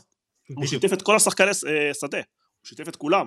הוא רצה שכולם ירגישו חלק מהנבחרת הזאת, ונתן לכולם את הכבוד, והוא אמר, הרגע הכי קשה שלי היה להודיע לשחקנים שנתנו לי, להודיע להם שהם בחוץ, ואתה מאמין לו, בסופו של דבר זה מה שחשוב, אנשים מאמינים בו והלכו איתו עד הסוף, אז יכול להיות שהחילוף נגד הולנד של רומרו הוא טעה, ויכול להיות שהוא טיפה התעכב בחילופים נגד צרפת, שצרפת השתלטה על, על המגרש אחרי שעשתה חמישה חילופים, ויכול להיות נכון. שסקלוני קצת איחר, וזה דברים שקורים, אבל ברמת מה שהוא נתן לנבחרת הזאת, הוא בעיניי, ואני מסכים עם ניסים, ואמר את זה גם פיליפ לאם, פיליפ לאם קראתי כתבה איתו, ששיבח אותו ו- ו- ודיבר עליו, שזה אחד המאמנים היחידים שמאמין בפוזיישון, שהוא היה רוצה לראות אותו בברצלונה אפילו, שהוא מאמן ענק, הוא אמר את זה לפני הטורניר.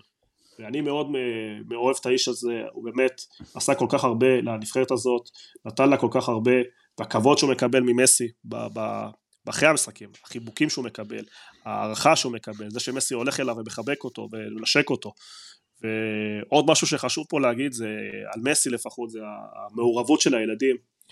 אה, ראינו את אשתו ואת הילד כותב מכתבים וזה הופך לפאבליש, ראינו את מסי מדבר עליו, שהילד מבקש ממנו גמר והילד מבקש ממנו גביע, וההבנה הזאת, אה, שמע, גם הילד שלי, סיפרתי לך יוסי שאני הילד שלי קרוי על, שמה, על השם של ליאונל ואנחל, ואני לא רציתי שהם יהיו כמוני, ואני רוצה להגיד לך שהם שלחו לי, אשתי שלחה לי כל מיני אה, ציורים שהם עשו, וכל מיני כרזות שהם עשו, והיה, רוב הטורניר אני חששתי בשבילם, לא חששתי כבר בשבילי, ו- ולא רציתי שהם יחוו את מה שאני חוויתי ב-1990, או מה שחוויתי ב-2014, רציתי לראות ארגנטינה שמחה, רציתי לראות סקלוני שמח, רציתי לראות מסי שמח, רציתי לראות דיבו שמח, ברוך השם שקיבלתי את הרגע הזה. זה כן. קרה. אה, אה, הרבה דברים, אה, זה כאילו הרבה דברים טובים ומעניינים, וככה מאוד חשוב לי גם להשלים אתכם. אני חושב שה master class הראשון שראינו של סקלוני היה נגד הולנד. ובאמת זה היה משחק שכאילו בפעם הראשונה שארגנטינה שיחקה 3-5-2, או לפחות פתחה עם 3-5-2, וזה באמת היה, ארגנטינה ויתרה לכדור, בקושי ראינו את המצבים, כאילו הולנד לא הגיע למצבים עד הדקה ה-80, אה, ואני, ואני אולי לוקח את זה, ואמרת יוני זה קורה, וברור שזה קורה, אה, אין מאה ממאה אה, אצל מאמנים, ותמיד יהיה בדיעבד, אולי הייתי צריך לעשות ככה, אולי ככה. ואני רוצה לקחת אתכם לעיבוד הזה של היתרון, פתאום מ-2-0, פתאום המצב, כאילו, משחק של, של, של הנבחרת, ואתה אומר בואנה, וואו, כאילו, זה שלנו ואתה ברבע גמר, בחצי גמר בקלות, ופתאום תוך שתי דקות, שתיים שתיים, ואתה מאבד את היתרון, ואז אתה נכנס כאילו ל, ל, להערכה, ואז אתה אומר, טוב, שמה זה יאבד. אני הייתי, לפחות הייתי בטוח שזה יאבד, שארגנטינה תקרוס בלחץ, הייתי בטוח גם בארגנט... בקרואטיה וגם בגמר והכל, אבל יוני, אתה סיפרת שהמשחק הזה גמר אותך, אבל אה, האם שם, כן, האם שם, האם שם התחילו השדים כאילו לצוץ, השדים מהעבר, שהנה תראה, הנה זה קרה, נגמר? זה קרה שלוש פעמים, לא, כנראה שזה לא מקרה, גם נגד סעודיה קיבלנו שתי גולים, מה זה היה, חמש דקות, תקנו אותי, נגד אה, הולנד זה היה אה, הפרש של עשר דקות. כן, כן, כן, עשר דקות, סליחה, עשר, שלוש עשרה דקות. ונגד צרפת... יש שם איזה קריסה מנטלית, כי זה מ-0 ל-100, זה משליטה טוטאלית במשחק. אתה כאילו... יוסי, הסצנריו הזה חזר לעצמו שלוש פעמים, גם נגד, כלומר, גם נגד סעודיה קיבלנו שני שערים בחמש דקות, גם נגד הולנד זה היה עשר או שתים עשרה דקות, יכול להיות שהיה תוספת זמן ארוכה אז אה, טיפה יותר, וגם נגד אה, צרפת, בדקה אחת קיבלנו שני שערים, כלומר, גם אם אנחנו רוצ, רוצים לספר שזה הכל מקרי, אנחנו כן רואים אה, איזושהי אה, אה, תגובה לא טובה לספיגה, וכלומר, קיבלנו שני שערים ברצף כל כך הרבה פעמים. אם אנחנו חוזרים למשחק נגד הולנד ספציפית, אה, בוא נגיד שלפחות כשהגיע להערכה, ארגנטינה שלטה למשחק שוב, שוב לגמרי. כלומר, הולנד לא הייתה קיימת, ארגנטינה הייתה מאוד מאוד קרובה ל-3-2, דימריה נכנס... גם, ו... גם בגמר, גם בגמר. כן, כן, אבל דימריה אה, אה, נכנס והיה שם קורה, והיה שם הצלה של ודייק מבעיטה של... אני חושב שזה היה חוליאן אלוורס בסוף ממש מהקו כמעט, ואחר כך היה אה, קורה, ודימריה הכניס המון המון המון שטף למשחק, ו- ו- וכן, בסופו של דבר נכון, ש- כלומר כשהייתה הפסקה לפחות, כנראה שסקלוני כן הצליח ליישר אותם ולייצב אותם ולהחזיר את ה... את ה לפעמים מאמן, ואתה יודע את זה, לא יכול תוך כדי משחק להשפיע ולהגיב לכל דבר, וכן, באופן טבעי, המטרה הזאת, הרצון הזה להיות אלוף עולם, זה לא דבר קל, ניצחנו נבחרות ענקיות, קרואטיה נבחרת עצומה, שלא ויתרה בואנה, כשאני ניגשתי למשחק מול חצי גמר מול קרואטיה, קרואטיה זה נבחרת שכבר שתי מונדיאלים מוצאת כל הזמן, זה נבחרת שהכי קשה להרוג אותה, זה נבחרת שהכי קשה לנצח אותה, זה נבחרת שכל הזמן מצאה דרך ועוד דרך ועוד דרך לנצח משחקים, גם בהערכה, גם בפנדלים, גם בכל מיני סיטואציות אה, אה, הזויות, ארגנטינה לא יכלה להגיע בשקט לפנדלים מול קרואטיה כמו שעשתה מול הולנד וצרפת, אה, וכן, ולכן היכולת הזאת להתגבר על המכות הפיזיות. אה, משהו טקטי לגבי המשחק, אה, ונחל הפך את המשחק למשחק רגבי, הוא הכניס שני שחקנים גבוהים, כשרומרו יצא וכל כדור גובה הם לקחו, היה רבע שעה שכל כדור של אף 50-60 מטר זה, הם זה לקחו. זה היה 4-4-2 ווייד ועם שני כנפיים, רק הגבהות לתוך הרחבה. וגם הם לקחו גול, גם ככה הפקיעו, הגול הראשון הגיע מנגיחה ששחקן הלך לשטח אה, שבדרך כלל לא הולכים מאוד מאוד קדמי ונגח לרחוק והפקיע, והגול השני אה, עבירה קצת מיותרת, לדעתי דרך אגב טעות שיפוט, הייתה שם עבירה הדדית, כלומר לדעתי ברחבה השער הזה היה נפסל, אבל uh, כרגע זה, אתה יודע, לא רלוונטי, וכן, הרגע היה מאוד מאוד קשה, כי, כי באמת, לא ראית מאיפה זה בא, כלומר משחק בשליטה מלאה, ואתה יודע שאמרתי לך שמבחינתי בגמר, שזה היה שידור חוזר, זה כאילו, אמרתי אוקיי, זה שספגנו שני שערים, 86 לקחנו, וגם את הולנד לקחנו, זה לא מה שהפסדנו, כלומר אנחנו עדיין במשחק. ואולי זה פסיכי עכשיו להגיד את זה, אבל באותו רגע אתה מחפש איזושהי תקווה, איזשהו משהו כדי להישאר בחיים, וגם נגד צרפת, למרבה כל הפתעה, אחרי 2-2, ארגנטינה חזרה לשלוט. ואחי לידי אומר לי, בוא נחזור לשחק את הכדורגל שלנו, בוא נחזור לתקתק, לא ניתן להם להשתלט. אה, וכן, אני חושב שהנבחרת הזאת, אה, ואני חוזר פה על עצמי קצת, ספגה חוסר צדק בתוצאות קצת, אבל ידע לא, לא, לא, לא לתת לזה לחדור פנימה יותר מזה, וידע לעצור את זה, וידע להתגבר על זה, וזה עוד יופי, אה, עוד רבד יפה לסיפור הזה של נבחרת ארגנטינה 2022, אלופת העולם. אני חייב לשתף כן, אתכם במשהו שרץ עכשיו ברשת, יש חגיגות כמובן של בארגנטינה, אה, הנבחרת אגב כבר חולטה במסוק, כי יש אה, כשישה מיליון ארגנטינאים בבואנוס איירס אה, ברחובות, אבל... כן, מדינת ישראל. רצה, כן, כן אבל, אבל רצה עכשיו ברשת תמונה של דיבו מרטינז על האוטובוס, מחזיק בובת תינוק, ועל הפרצוף של התינוק הוא הדביק מקרטון את הפרצוף של אמבפה. אז אני לא יודע איך לאכול אותו כבר. כאילו, אבל, זה, אבל זה, זה מרטינס, זה דיבו, כאילו, אם הוא לא היה שחק כדורגל הוא כנראה היה, לא יודע, או עבריין או מאושפז איפשהו, אחד מהשניים. וכנראה שארגנטינה מתחילה להתאהב בתדמית שנוצרה לה בגביע העולם הזה של, ה, של הנבלים שזוכים בגביע. אה, כי אתה יודע, זה, זה, זה, זה רק מקצין. לי אישית אין בעיה עם זה, אני פשוט יודע ש... יש מה שנקרא אה, טהרנים אה, ברחבי העולם, שכנראה יצקצקו על זה עד מחר, של חוסר כבוד, חוסר תרבות וכן הלאה. אני... גם אם זה טיפה מוקצן במקרה הזה, זה כן טיפה מוקצן, אבל אני חושב שארגנטינה עברה פה על איזה כלים או חוקים, או נקרא לזה קווים בלתי מוסריים בטורניר. סתם הערת אה, אגב, שהייתי חייב להכניס. לא, זה בסדר. אז, אז אני רוצה להכניס משהו בנושא הזה והוא חשוב, יוסי, אני מצטער שאני כותב אותך. אה, יש משהו תרבותי שהוא מאוד מאוד שונה בדרך שבה ארגנטינאי צורך ורואה כדורגל מאשר זה. זה ששרים לאמבפה שהוא דקה דומייה עבור אמבפה זה רק אומר שאמבפה הוא השחקן הכי טוב ביריבה, זה אומר שהשחקן שמכבדים אותו, שחקן שמנצח אותך בדרך כלל אתה קורא לו טליין, התקשורת מכנה אותו טליין כי הוא זה שתלה אותך, אה, זה חלק מהתרבות ואנשים צריכים להבין את זה. אני חושב שדיברו קצת על ה... ריבים עם הולנד, אני חושב שארגנטינה לא אהבה את השיח שההולנדים אה, ניסו לה, להפעיל על אה, ארגנטינה לפני המשחק והגיבו לזה, לא אהבו את הלחץ שהפעילו על הבועטים, אני חושב שזה חרג קצת. לא, לא, דיברנו מש... על זה בפרק אחר כך, זה היה... כאילו, אני דיברתי את זה גם uh, בטוויטר, כאילו, זה חרג מה... אתה יודע, מהמלחמה הפסיכולוגית של שוער. כי ברגע שאתה הולך ומקנית קבוצה שלמה את uh, לאוטרו מרטינז, אתה לא יכול אחר כך uh, לבוא בטענות על זה שאחרי שהקבוצה מנצחת, uh, למה עשיתם את זה. אני חושב שארגנטינה הפסידה מול סעודיה, משחק מאוד מאוד אכזרי, ולחצו ידיים וכיבדו את היריבה, למרות שהסעודים גם כיסחו את ארגנטינה, אבל שיחקו ספורטיבי, ניצחו בצדק, כן. לפחות מבחינתם, וכיבדו אותם, אני חושב שארגנטינה כיבדה צרפת, והיה חיבוקים. נכון שדיבו צעק עליהם בפה, אבל הוא הלך, ניחם אותו וחיבק אותו ועודד אותו. לא היה בעיות גם מול קרואטיה, היה כבוד הדדי.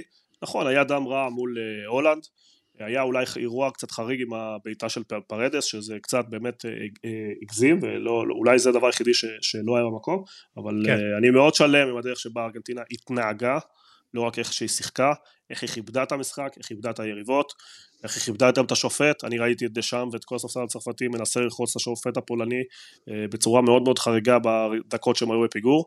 צריך לזכור שבסוף ארגנטינה רואה מונדיאל אה, כמו שישראל רואה מלחמה, אה, משהו שחייבים לנצח אותו, זה הלחץ שמופע על השחקנים. כל מי שמדבר, ניסים דיבר טהרניים, אני מבחינתי חושב שלא מבינים תרבות של ספורט ולא מבינים תרבות של מונדיאל ולא מבינים, יש הרבה ישראלים ואני אגיד את זה בצורה ישירה שמדברים בביטחון מלא על דברים שאין להם שום מושג בו, שלא מבינים אותו לעומק, לך לברזיל, לך לארגנטינה, לך לאיטליה, לך לאנגליה, אה, ואתה תראה את אותו דבר וזו הדרך לנצח משחקים, לתת את הכל, לתת הנשמה שלך ומי שלא היה ספורטאי עדיף שלפעמים אה, לא ידבר על הדברים שהוא לא כל כך מבין. אה, ראיתי המון דברים בחיים, ראיתי המון נבחרות, יש לי כבוד לבאמת, אתה יודע כמה אני אוהב את נבחרת צרפת? ברמה המקצועית, לא ברמה האישית, לא כן. לא מחובר אליה, כמה אני מכבד אותם, כמה אני מדבר עליהם טובות תמיד, אבל, אה, וכמה יתרונות יש להם, גם, גם בגמר ראו, יתרון פיזי ברור, יתרון מהירות מאוד מאוד ברור, אה, אפילו יתרון בכמות השחקנים ברמה גבוהה שיש להם ברמת, אה, לא רק השווי שלהם, גם בעומק שלהם, ראינו את החילופים שלהם, איזה שחקנים נכנסו, אתה יודע, אי אפשר להגיד שארגנטינה בספסל, ארגנטינה שהתחילה לעשות חילופים ברוב המשחקים, בוא נגיד, הוא היה אולי לא, אתה, אתה מכניס את פצלה והוא מכניס את כן, כן, קומן, כן. כן. כן, כן, זה בסדר גמור, אבל אז צריך להבין שבסוף ארגנטינה ניצחה נבחרות עם הרבה יותר איכות ברמת השחקנים, אה, ובסדר, אני לא בא לשכנע אף אחד, אני לא... כל העולם אוהב את ארגנטינה, אני אומר לך שהייתי במונדיאל, כל המונדיאל, כל האנשים בעולם אוהבים בנבחרת הזאת, אוהבים את השחקנים האלה, רצו שינצחו, אז יש פה עשרה עשרים אנשים שפחות מתחברים, בסדר, יש כותל, מוזמנים ללכת אה, לבכות אם צריך. אה, בהחלט, תמיד מוזמנים. אה, חצי גמר מול אה, קרואטיה, אני לא יודע אם אתה יודע כמה אפשר אה, להרחיב, אני מציע שנתקדם, אבל כן חשוב לי, דיברנו על זה כזה בקטנה מקודם, זה הלך קשה בהתחלה, אבל אז הייתה חגיגה. חצי שעה הראשונה קרואטיה החזיקה בכדור וזה היה נורא קשה, אבל משהו שראינו את זה לאורך כל הטורניר, ארגנטינה התעקשה לשחק דרך האמצע, ובסוף היא גם קדשה אותה וכבשה את השערים דרך האמצע, ואתה יודע, אני כך ברור שאתה לוקח מהמשחק הזה את uh, המהלך של מסי על גוורדיול, אבל אפשר לקחת עוד הרבה רגעים, את uh, ההופעת ענק של חוליאן אלוורז. Uh, בקצרה אבל, uh, ניסי, מה אתה לוקח מהמשחק הזה? אמ, וואו, מה, מה אני לוקח מהמשחק הזה? אני חושב ש... ש... שזה דווקא מה שאתה אמרת, שזה ההבנה שיש פה משהו חדש בארגנטינה, שזה חוליאן אלוורז. הוא נתן שם הופעה של, של מגה סטאר, של כוכב. הש... השערים שלו הם, הם מעבר לזה של ברמה הטכנית ומה שהוא עשה ברמה הזו, הם שערים של נחישות, וכל חלוץ ברמות האלו, כל ילד שמסתכל על המשחק, זכה לראות במשחק אחד אה, שני שחקנים אולי נחושים בהיסטוריה, חוץ מקריסטיאנו, שזה מודריץ' ומסי, ואת חוליאן אלוורס שגדל על מסי, ומן הסתם בטוח גם גדל על מודריץ', ראה אותו, וגם ראה את קריסטיאנו ושאב מהם השראה ברמת העבודה הקשה. ראיתם ילד ש, שמבין שהוא קיבל פה את ההזדמנות של חייו, והוא לא, לא, לא מתכוון לשנייה אחת להוריד את הרגל מהגז, זו הייתה הופעה... עזוב את השערים, עזוב את, את הגולים, עזוב את, הלחץ, ברמה המנטלית, זו הייתה הופעה של שחקן top מהרמות הגבוהות ביותר, ואני חושב שזה בעצם גם קיבע אותו סופית בתודעה של, אוקיי, יש חלוץ, איפה, כל הזמן דיברו ככה ברקע, אוקיי, נגד הולנד הגיע לאוטרו, אוקיי, נגד, נגד אה, אוסטרליה, על האוטרו יגיע, והוא לא מגיע, והוא לא מגיע, הוא לא מגיע, ונגד קרואטיה זה היה גושפנקה של, אוקיי, סבבה, לאוטרו לא פה, הוא לא איתנו, יש את חוליאן, וזה שלו. אני אגיד לך שלושה דברים על המשחק הזה בקצרה. קודם כל, אה, סקלוני בחר, אה, ידע את היכולת של קרואטיה אה, להניע כדור ולהחזיק בכדור הרבה מאוד דקות, ולכן הוא חיזק את הקישור לארבעה, אבל יש משהו נכון. שהוא עשה שברזיל לא עשו. הוא הבין, וגם זה נאמר בתקשורת הארגנטינאית, שהוא יודע שקו ההגנה של קרואטיה מאוד מאוד גבוה ויש המון המון שטח, ושצריך לחפש שם אה, לעקוץ. משם ניתן את המכה, והגול הראשון זה כדור עומק ענק של דפול אה, לאלוורס שהוכשל על ידי השוער, זה הביא את היתרון. אה, דבר שני, על הגול השני של חוליאן, שלא נראה לי שדיברנו עליו, שהוא פשוט בחצי מגרש לקח כדור אלא מרדונה, אבל סיים אותו אלא קמפס עם כדור שפוגע פינג פונג בכמה שחקנים וחוזר אליו מאוד דומה לשער שקמפס הבקיע בגמר מונדיאל 1978 היה פה שילוב, אני ישר אמרתי למישהו ארגנטינאי לידי מה זה זה מרדונה וקמפס משולב? ואחר כך ראיתי את זה בתור כותרת וגם ביציאה במגרש פגשתי אוהדים אחרים שהם דיברו ביניהם ואמרו זה מרדונה וקמפס ביחד זה משהו שחשוב להוואי אה, של האוהד הארגנטינאי, השילוב הזה של אה, חוליאן אלוורס, וכמובן השער השלישי של אה, הגאונות של מסי, הבחור שישב לידי אמר לי, מסי תפס את, דרך אגב, מסי תפס את הרגל מדקה 20, דיברו על אחת כמו תקשורת ארגנטינאי, נכון? זה מדהים, כן, כן, כן, לא, לא. תפס, תפס, תפס, וחבר שלי ישב לידי ואומר לי, צריך לתת כדור למסי, ואני אומר לו, אבל מסי גמור, לא יכול לזוז. בדיוק במהלך הזה של הגול. הוא אומר צריך לתת כדור למסי, אמרתי לו מסי לא זז, לא יכול לזוז, כאילו, אולי צריך להוציא אותו אפילו, כי באמת חשבתי שהוא פצוע.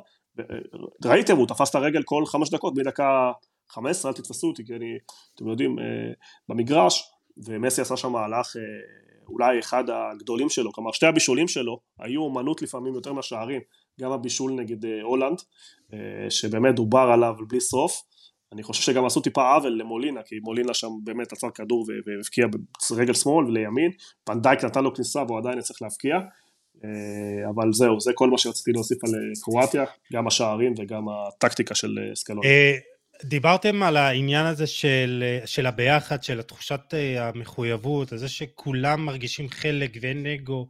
ואני רוצה לדבר על שחקן אחד שבאותו משחק קיבל את הדקות הראשונות שלו בטורניר, שזה פאולו דיבלה, ובאמת כאילו הייתה תחושה במהלך הטורניר למה הוא לא משתמש בו יותר, ובאמת כאילו הרגשתי גם, אתה יודע, גם נגד אוסטרליה, כאילו מה, איפה הוא, הבן אדם חי, לא חי, ואתה אומר, הוא, הוא גם נגד, אה, אה, נגד קרואטיה, סליחה, בחצי גמר הוא נכנס, ואתה יודע, לקראת סוף המשחק, אה, אבל ראית שגם בדקות האלה, ובמיוחד גם בדקות הבודדות שהוא שיחק נגד צרפת, הבן אדם כאילו לא רואה בעיניים, כאילו חשוב לו להוכיח את עצמו, חשוב לו לתת את זה. צריך, אה, צריך להבין כן. יוסי שלאורך כל הדרך של סקלוני בנבחרת, אה, פאולו לא מקבל אה, הרבה דקות, זה משהו שהוא, זה, המגרש בסופו של דבר מחולק לרצועות, לשטחים, והשטחים שפאולו בהם טוב, זה השטחים של מסי, ולכן זו הסיבה שהוא לא משחק, לכן השיח בעיניי הוא לא היה נכון, הוא כן הכניס אותו בגמר למשל בשביל הפנדל, הוא כן הכניס אותו אה, במשחק מסוים בשביל להחזיק בכדור קצת, כי הוא שחקן שיודע לשמור על הכדור ולסחוט עבירות, כלומר להגן, אה, לעזור להגנה עם הכדור, אבל ברמה אבל ראית המקצועית... שגם הוא יודע, אבל ראית, סליחה שעוד פעם אני נכנס, ראית שהוא יודע את מקומו. וראית ש... הוא יודע את מקומו, ש... אבל השאלה כן. בעיניי, השאלה המקצועית, למה הוא לא משחק, בעיניי היא לא נכונה. הוא לא כן. משחק, כי הוא בא לידי ביטוי, רוב הזמן, בשטחים של מסי. בשטחים של משמאל לימין, ייכנס לרגל, זה, זה, זה היכולות שלו. גם אם הוא עושה את זה בצד שני, צריך לפנות את השטח הזה לשחקן הכי טוב בקבוצה. הוא משלם מחיר, אה, בגלל שהוא מתמודד בשטח, לא מדבר אפילו על תפקיד. בשטחים כן. שבהם העילוי הוא מישהו אחר. והוא מקבל, כן. ו- וזה היופי, כן, וזה אני כן מתחבר, שזה היופי שהוא מוכן לקבל את הרול הזה שלו.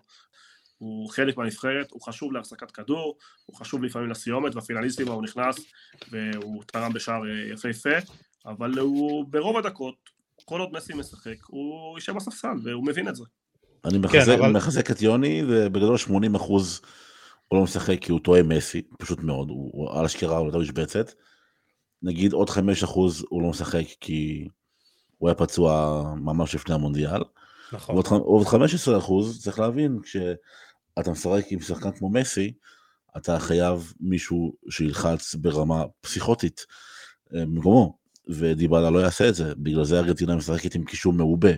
זה לא סתם שזה פרדס ואנזו ולו סלסו שהיה, וברוב המשחקים זה היו ארבעה קשרים. גם אם, נכון שהייתה את הפציעה של דמריה, אבל גם בלי דמריה, דקה 60-70, שוב חוזרים לארבעה קשרים בדרך כלל, זה, זה הדיפולט. כי מסי לא לוחץ, אנשים נוטים להתעלם מהעובדה הזו, אבל אי אפשר לשחק כדורגל עם מסי ועוד שני שחקנים לידו שהם נטו התקפיים שלא עושים לחץ. אז חוליאן התקפי אבל עושה לחץ. דיבלה הוא התקפי אבל לא עושה לחץ, אפילו דיבריה הוא עושה לחץ, אתה יודע, אמנם לא לוחץ הטוב בהיסטוריה, אבל הוא עושה את זה. דיבלה לא עושה את זה. הוא מחפה בניידות. נכון, נכון, ודיבלה לא נייד, אז אה, להכניס עוד שחקן שהוא לא נייד, שחקן שלא לוחץ, שיושב על המשבצת של מסי, זה פשוט לא יקרה. ולכן זה לא קרה. טוב, נדבר על הגמר, ויוני, אתה הוצאת לי את המילים מהפה אה, מקודם, ואני רשמתי לי ב line-up, מול צרפת בגמר, זה פשוט היה אחד המשחקים היותר חד צדדיים שראיתי במעמדים כאלה אי פעם. וזה היה 70 דקות של שליטה טוטאלית של, של ארגנטינה, היא עשתה פשוט כל מה שעולה על רוחה, היא הייתה יותר טובה, הגיעה למצבים. ההזדמנות הראשונה של צרפת מתי הגיעה? דקה 58 או 68, כבר לא זוכר. מה, שצרפת 70 ומשהו, בעיטה ראשונה 71. קולו מואני, לא, אה, אז זה היה 68. הנגיחה של קולו מואני הייתה דקה 68 מחוץ, כאילו אתה אומר בואנה זה fucking אלופת העולם, זה צרפת. הם כן היו מסוכנים קצת בקרנות, לפחות ביצירת כן, אבל אה, לא הגיעו לא לזה. כן, כן. לא ואני אמרתי בואנה זה אחד הגמרים החד צדדיים ש, שנראה אי פעם ואז פתאום אותה קריסה ואני אגיד לכם את האמת אני ראיתי את המשחק עם, אה, אצל המשפחה של אה, אשתי ועל השעון דופק שלי היה קבוע 120 דופק והרמת לחץ שמה 100 מ-100 כאילו אני, אני בטוח שיוני אתה היית שם באצטדיון רצית לא יודע מה להתפוצץ ניסים איך אתה הרגשת שם אממ. בבר? דיברת קצת בהתחלה על זה. כן, סוג של, אתה יודע, זה הייתה... כתבתי על זה, זה כמו היה לקחת אה, טריפ ממש ממש טוב. אתה מוביל 2-0 בגמר, אתה כולך עף. ואתה אומר, בוא'נה, מה קורה פה? זה משהו מקולקל, ואז אתה חוזר ל-2-2, ואז שוב 3-2, אקסטזות של החיים, ו-3-3. וההחמצה היא של אה, קולומואני, ואנשים גם שוכחים שבדקה 90 אני חושב זה היה, אמבפה הרים שם כדור לראש של מואני, שאם הוא נוגח את זה ממש מילימטר, זה, זה שלוש שתיים, כאילו היו פה שני מצבים של מואני לגמור את המשחק בגונג. ואני רואה כדורגל, לא יודע, מאז שאני בן תשע או עשר בערך, תשע, אני לא זוכר דבר כזה, זאת הייתה רכבת שדים, זה היה פשוט פסיכוטי לחלוטין, זה היה מרומם נפש ומחרב עולמות. והתעלות רוחנית ומאניה דיפרסיה, אין, אין, אני, אני לא חושב שאף משחק בהיסטוריה בכלל מתקרב למה שקרה בגמר הזה. וצריך לזכור שעד דקה 80 זה היה, הייתה נבחרת אחת. אם לא הטעות של אותה בנדי, אף אחד לא מדבר על זה, אתה יודע, ובדיעבד, עוד פעם, בתודעה, טוב שזה קרה, כי זה הפך את הגמר הרבה יותר דרמטי, ואם לא, לא הדבר הזה, אז היו מדברים פנדל מכור, למרות שהיה פנדל, היה מגע, דם, היה מגע ברגע של אה, דמבלה, לא יודעים, הרי היה פנדל, כולם מחפשים את ה... להקטין את ההישגים האלו, שזה בעיניי פתטי, אבל בסדר, זה של אנשים אחרים, אין לי, אין לי בעיה עם זה, שלהם.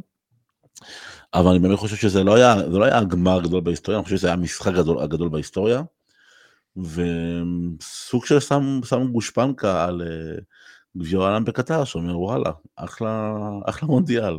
לא, לא, היה אחלה מונדיאל, אבל אני אגיד לכם מה... אני מציע לכל מי שיש לו בעיה בהבנה של שיפוט, שישאל שופטים, או שיבדוק ביוטיוב בכל מיני אה, אנשים שמנתחים שיפוט ויראו שהפנדל של דימריה הוא 100% פנדל, אני מציע גם לבדוק אה, אנשים שמבינים בשיפוט ושמדברים שמש... אם היה, כלומר גם הפנדל של אוטמנדי היה פנדל, כלומר הפנדל של 2-1, כן. אבל מדברים על זה שהפנדל הכי רך היה הפנדל הראשון של צרפת. אני דרך אגב במגרש הייתי בטוח שהשני לא פנדל, אחרי שראיתי אני מבין שהיה פנדל, ואני יודע להודות בתעודות, זה הפנדל של מוטיאל כי הוא הגדיל שטח הגוף, עם החוק החדש של היד, שאסור להרים כן. אותו מעל אה, גובה כתף, לדעתי בחוק הישן לא בטוח שגם זה פנדל. אני חושב שמגיע קרדיט לשופט, הוא עשה משחק טוב, אה, משחק מאוד קשה לשרוק שלושה פנדלים כאלה שכולם בסוף מתברר אה, שבחוקה נכונים. אה, אני חושב שיותר מדי דיברו על הפנדל של דימריה, הפנדל ברור, באמת מי שלא מבין את זה שילמד שיפוט או שישאל שופטים ויסבירו לו למה זה פנדל. הוא הפריע לו לתנועה הטבעית של הרגל, פגע בו פעמיים עם הרגל. אני ראיתי את זה במגרש ישר, בדרך כלל יש קטע של מנחוס, אמרתי לאריאל 100% פנדל ובאמת היה. מה עוד? איך אה, הרגשת? איך הרגשת שם בכל ה... כאילו, אם אנחנו היינו בלחץ היה קשה, היה קשה, כי, כי, כי באמת הרגשתי שזה עוול. וראיתי את אמבפה בטירוף, וראיתי את קומן ביכולת מדהימה, ו, ו, וגם החלוץ אה, גבר, על... עשה עבודה טובה, כן, עשה עבודה מעולה. אה, צרפת, שהייתה כלום ושום דבר, 80 דקות, פתאום כן יזמה, ואני חייב להגיד שדווקא השוויון, אה, היה אולי איזה התקפה פה ושם, ובטח הדקה 120 שזה היה אצלם ביד, חייב להגיד את זה, אבל אה, ברוב המשחק שהמשחק היה שקול, המשחק ארגנטינה אה, הייתה יותר טובה ושיחקה, וכל הזמן אחי אומר לי, בוא נשחק את הכדורגל שלנו, בוא נתקתק את הכדור, ושם מגיע רגע גאונות של השלוש שתיים. אני לא יודע איך, כלומר הבעיטה של האוטרו הייתה עוצמתית, אני לא יודע איך לוריס לקח את זה, אבל זה נגיע למסי שם בדיוק במקום הנכון, אה, אבל גם כשזה נכנס, אני אמרתי לעצמי, טוב, אם אנחנו זוכים, זה כי זה מבטיח לנו ללכת לפנדלים. אני לא, אני אמרתי לך, אריאל, אחי, כלומר, אנשים קפצו ואני לא, ישבתי במקום, לא רציתי לחזור את השלוש שתיים, אחרי הטראומה הזאת של השתיים שתיים. איך הרגשתי? הרגשתי שהחלום הכי גדול שלי, שהתקווה הכי גדולה שלי, שהדבר שהכי כל כך רציתי. אתה צריך להגיד משהו, ואני אדבר על החוויה שלי בקטר. בסופו של דבר, היום יום בקטר, יש לך שלושה ארבעה מקומות מאוד מאוד יפים, אבל באווירה מאוד מאוד אה, נקרא לזה דתית אה, ערבית, אה, שגם אם המקום מאוד מאוד יפה, קשה לך ליהנות מזה ברמה שאני בן אדם מערבי. מה, אתה, אתה, אתה, אתה לא מחצין את זה שאתה נהנה? לא, אני לא, אני לא נהניתי, קודם כל לא, לא נהניתי, אני לא חושב שהיה פה איזשהו רגע של הנאה. א', אה, מאוד נהניתי בקטר ברמת הארגון, חייב להגיד, הרגשתי בטוח מאוד, הרגשתי אה, במקום, חלק מהמקומות אמרתי שאני ארגנטינאי, חלק מהמקומות אמרתי שאני ישראלי, ובסדר, דחפו לי פלסטין, לא התרגשתי מזה, אה, אבל ברמת ההנאה ביום יום בטיול, זה לא שאתה נמצא בברצלונה, ואתה הולך לבר, ואתה הולך, אה, מנקה את הראש, אתה נמצא במקום שונה, מאוד מאוד מוזר. אתה, אתה, מה, אתה מוכוון מטרה ל, לראות כדורגל? לא, זה לא רק זה, יוסי, זה לא רק, קודם כל כן, הייתי מאוד מוכוון מטרה, אבל היה קשה ליהנות מהיום יום אה, בקטר, היה מסעדות טובות, היה זה, אבל אם אתה רוצה משהו אחר, היה מאוד קשה למצוא, אפילו ברמת האווירה. כלומר, אה, אני אין לי שום דבר נגד... אה, הרגשתי נוח עם הכל, אבל לא, היום יום לא היה כיפי בהנאה, כלומר היה שלושה ארבעה מקומות יפים שאתה הולך, אבל אתה מרגיש אווירה דתית, ערבית, שאתה פחות מתחבר לזה ברמת מה שאתה אוהב לעשות בחיים שלך. אני אוהב ללכת לבר, אני הולך ללכת לסרט, אני אוהב ללכת לצחוק, אני לא אוהב, שוב, אני נשוי והכל טוב, אבל לראות uh, 20 נשים, הולך לחוף ים ואתה רואה כולם לבושות שחור, שוב, אני מכבד אותם, אבל בהרגשה האישית שלי זה משהו שפחות גורם לי, ותחשוב שאני כבר 20 יום, ואני לא סגור על כלום, כלומר כל דבר אני בונה מסביב לנבחרת, כלומר uh, כל שלושה ימים שארגנטינה מנצחת אני לוקח מלון, והייתי צריך לעבור שלושה ארבעים מלונות, היה לי גם יום מאוד קשה ב-14 שמרוקאים השתלטו על כל העיר וכמעט ולא מצאתי חדר, היה פשוט טירוף, אה, ועברתי מקומות, וכן, חלק מהדברים זה על הנבחרת, אה, חוסר שינה אחרי משחקים, בוא נתן לך לוגיסטיקה, המשחק נגמר ב-12 בלילה, אתה מגיע למלון במקרה הכי טוב בגלל הפקק והלחץ של האנשים ב-3 בבוקר, שלוש שעות לוקח לך לחזור לחדר, ואז אם אין לך חדר למחרת, כשאתה צריך לקנות ב-11, אתה צריך לחפש חדר, לסגור חדר, ואחר כך להתחיל לחפש כרטיס. כלומר, היה טיול קשה גם ברמה הלוגיסטית, לא רק ברמה הרגשית וה... וה, וה... כי לא בניתי אותו, לא בניתי אותו בצורה של אני הולך עם ארגנטינה עד הסוף. כל פעם הארכתי את הטיול. טוב. וגם מבחינת האווירה, אמרתי לך, לא היה, גם בפנפסט שהייתי הולך, אז עזוב שהיה פרי פלסטין וכל פעם דחפו את זה, אז לי פחות זה הפריע, אבל, אבל מוזיקה יותר uh, מזרחית, ערבית, קהל, אפילו קהל, הרבה מאוד הודים, הרבה מאוד אה, סעודים, הרבה מאוד אה, מכל מיני מדינות ערב. שוב, אני לא נגדם, אין לי שום דבר, אבל בהנאה שלי, בחוויה שלי, זה לא אותו מה שאני ראיתי בגרמניה, לא מה שראיתי בברזיל. לא, לגיטימי לגמרי. זה משהו, הרגשה אישית שלי, והרבה אנשים גם התחברו. אז היה רק כדורגל, אבל שזה 20 יום רק כדורגל, ורק נבחרת ארגנטינה, בוא נגיד שזה לא הקוסטה שלי. היה כיף ברמת התוצאות, היה מדהים אפילו ברמת התוצאות, אבל אה, מבחינת החוויה לא יכול להגיד לך שהיה לי עשרים יום כיף, היה לי קשה מאוד גם ברמה הפיזית, גם ברמה המנטלית, גם ברמת השינה לא הייתה הכי טובה בעולם, אה, גם חליתי במהלך הטורניר, המזגנים קרו אותי, אתה צריך להבין את זה ש... אני כשחזרתי לארץ אחרי המשחק נגד אה, פולין בגלל שחליתי והייתי בטוח שאני המטומטם היחידי, סליחה, שאני נדבק באמצע המדבר בקור אבל אחר כך התברר ששחק... לא, אתה צודק. הרבה, הרבה, כן. אחר כך ראיתי בטוויטר שאושרת יני כותבת שכולם חולים שם, וראיתי ששחקנים של נבחרות חולים, וראיתי שכולם חולים. עכשיו, אני גם מבין למה, כי אתה עובר מ-40 מעלות בחוץ, 50 מעלות, דרך אגב, עד שעה 4, תבינו, אין כלב ברחוב. מקומות של חיכו למיליוני אנשים, עד שעה 4 התרבות שם, שכולם ברחוב בבית. עד 4 אתה ברחוב לבד.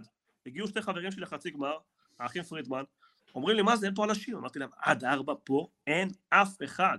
אתה רואה מקום שמחכה למאה אלף איש, בערב יש מאה אלף איש, ובשעה שתיים יש עשרים, שלושים אנשים. עד ארבע רק קניוני בקטר.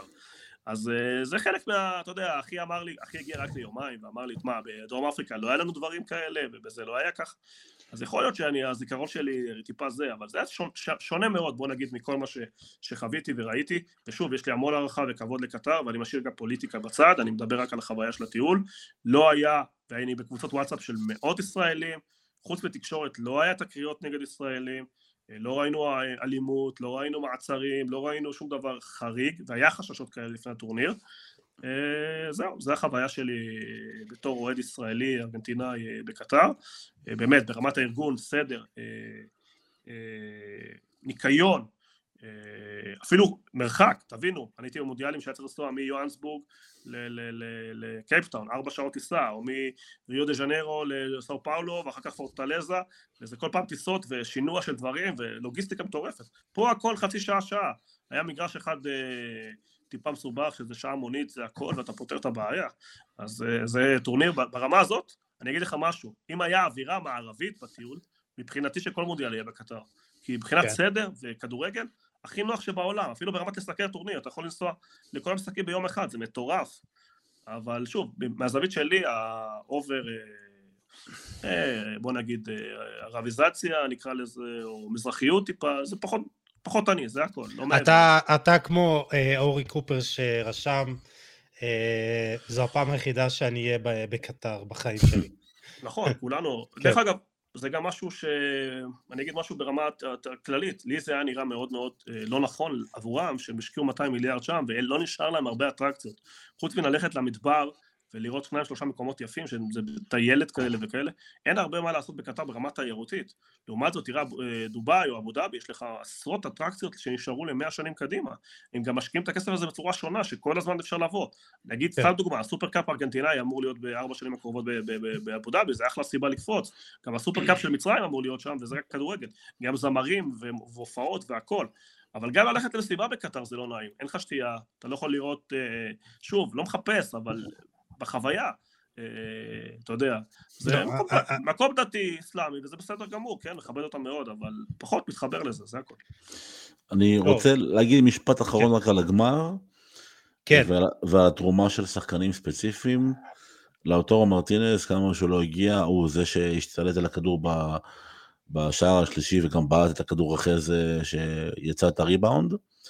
לא יודע אם, אם, כולם זוכרים, בדקה 120, כשבפה היה בסוג של ביסט מוד, והיה נראה כמו איזה שט קדמוני שהשתחרר מהבקבוק, בדקה 120 הוא מקבל כדור בפינה של הרחבה, זורק את uh, רומרו לעזאזל, זורק אחרי זה את פרדס, זורק את אנסו מרטינז, ומי בא ומרחיק את הכדור, שנייה לפני שהוא בועט כדור הכי נוח בעולם, פאולו דיבלה. אז כאילו... נו, הנה, אתה רואה, אתה רואה, אני זכרתי שהיה לו עוד, עוד תפקיד. כל שחקן עם התרומה שלו, זה זכייה כן. של נבחרת, זה לא זכייה... בדיוק, בדיוק, זה מסי. באמת אה, ככה, אה, מה, ש, מה שכיוונתי אליו. אה, המשחק הגדול ב, בהיסטוריה, יוני? חד משמעי, חד משמעי בגלל רכבת הערים הרגשית וגם בגלל הרמה של השחקנים, גם בגלל שהתעלות. ומפה לא כבש שלושה שערים, הוא כבש את הפנדל גם בסוף המשחק, כלומר אה, מסי עם שני שערים פלוס אחד בהערכה, אה, משחק שהלך אה, בדקה 123 כמו שניסים אמר, הייתה התקפה שיכולה ללכת לפה ולפה, צרפת יכלה להבקיע, אחר כך ארגנטינה, מהפכים, לא היה מהפך בתוצאה, אבל כן במומנטום, משחק אדיר. אה, באמת, אני לא זוכר, אה, אולי השלוש שלוש של אה, ליברפול ומילאן יכול להתחרות בזה ברמת הדינמיות, אבל מה לעשות שגמר גביע העולם זה יותר מגמר צ'מפיונס ליג, אז באופן חד משמעי. לגמרי. זה המשחק הכי גדול שאני ראיתי בחיים שלי, כאילו, לא היה משהו שדומה לזה. אני חושב שדיברנו הרבה על הגמר, יש לך עוד משהו שאתה רוצה להוסיף, ניסים? על הגמר, על אחרי הגמר? אמ, אני חושב שזה אולי אמ, סוג של תזכורת לנו לשמור תמיד על ראש פתוח, כמה ביקרנו את גביע העולם בקטר לפני זה, וכמה ירדנו עליו, ובסופו של דבר קיבלנו את אחד הטורנירים המוצלחים בהיסטוריה. אז נכון, אי אפשר לבטל את כל מה שקרה בכל הקשור לזכויות אדם והתחושות שם, וכל מה שיוני סיפר, והוא לא היחיד. אבל אם מסתכלים על כדורגל wise, נטו כדורגל, אני חושב שזה היה אחד הטורנירים, בוודאות הטורניר המוצלח ביותר שאני ראיתי, ב live, בוודאות. אני חייב להגיד שהגמר הציל אותו שם, כאילו, זה לא היה טורניר רע, זה היה טורניר טוב ו- וכדורגל סבבה, אבל המשחק הזה, לא היו משחקים גדולים בין שתי נבחרות שאתה אומר, תזכור לשנים, אולי חוץ מאנגליה-צרפת, זה, זה משהו ש... לא, גם היה אה, אנגליה-צרפת, כן, היה גם את ארגנטינה-הולנד, שהיה משחק גדול, אה, אסור לבטל את זה.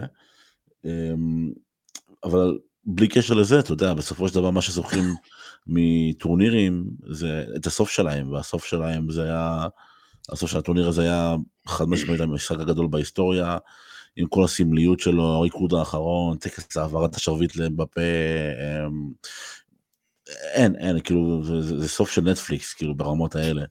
לא, ש, אה, שני הכוכבים הגדולים הגיעו ל... כן. ל, ל... שני, זה, זה לא רק זה, זה שני הכוכבים הגדולים הגיעו, זה מי שמעביר את השרביט ל, לכוכב הגדול הבא. שניהם משחקים ביחד באותה קבוצה. הקבוצה שייכת לקטר. קטר היא המארחת, כאילו זה כל כך הרבה הצטלבויות שאתה אומר כאילו, לגמרי. איפה, איפה תלכו, כאילו מה, מה חסר, מה, מה, מה יקרה הלאה. אז כן, חוויה, חוויה גדולה. טוב, אז ככה לקראת uh, סיום, uh, ראיתם מה זה? פרק עצום. Uh, אבל uh, מגיע, uh, לא כל יום זוכים בגביע העולם. Uh, אחרי הגמר, אני רוצה כאילו ש, שניקח את ה... uh, כמה חודשים קדימה, שנה, שנתיים. Uh, מסי לוקח uh, גם צ'מפיונס עכשיו, ורציתי לשאול אותך את זה קודם, יוני. אמרת שאתה יכול להתחבר עוד... כן. אני רוצה להגיד לך שהניצחון הזה עושה את העולם הזה ליותר יפה, ליותר נכון, ליותר צודק. אני חושב שהסיפור פה הוא האמונה, הוא כשהכול קשה, שהכל לא הולך, שהכל נגדך, אתה כבר פורש ומוותר בשנת 2016, כמו שניסים אמר, לחזור, להילחם, לתת לזה עוד סיכוי, ללכת עד הסוף עם החלומות שלך, עם מה שאתה אוהב, עם מי שאתה.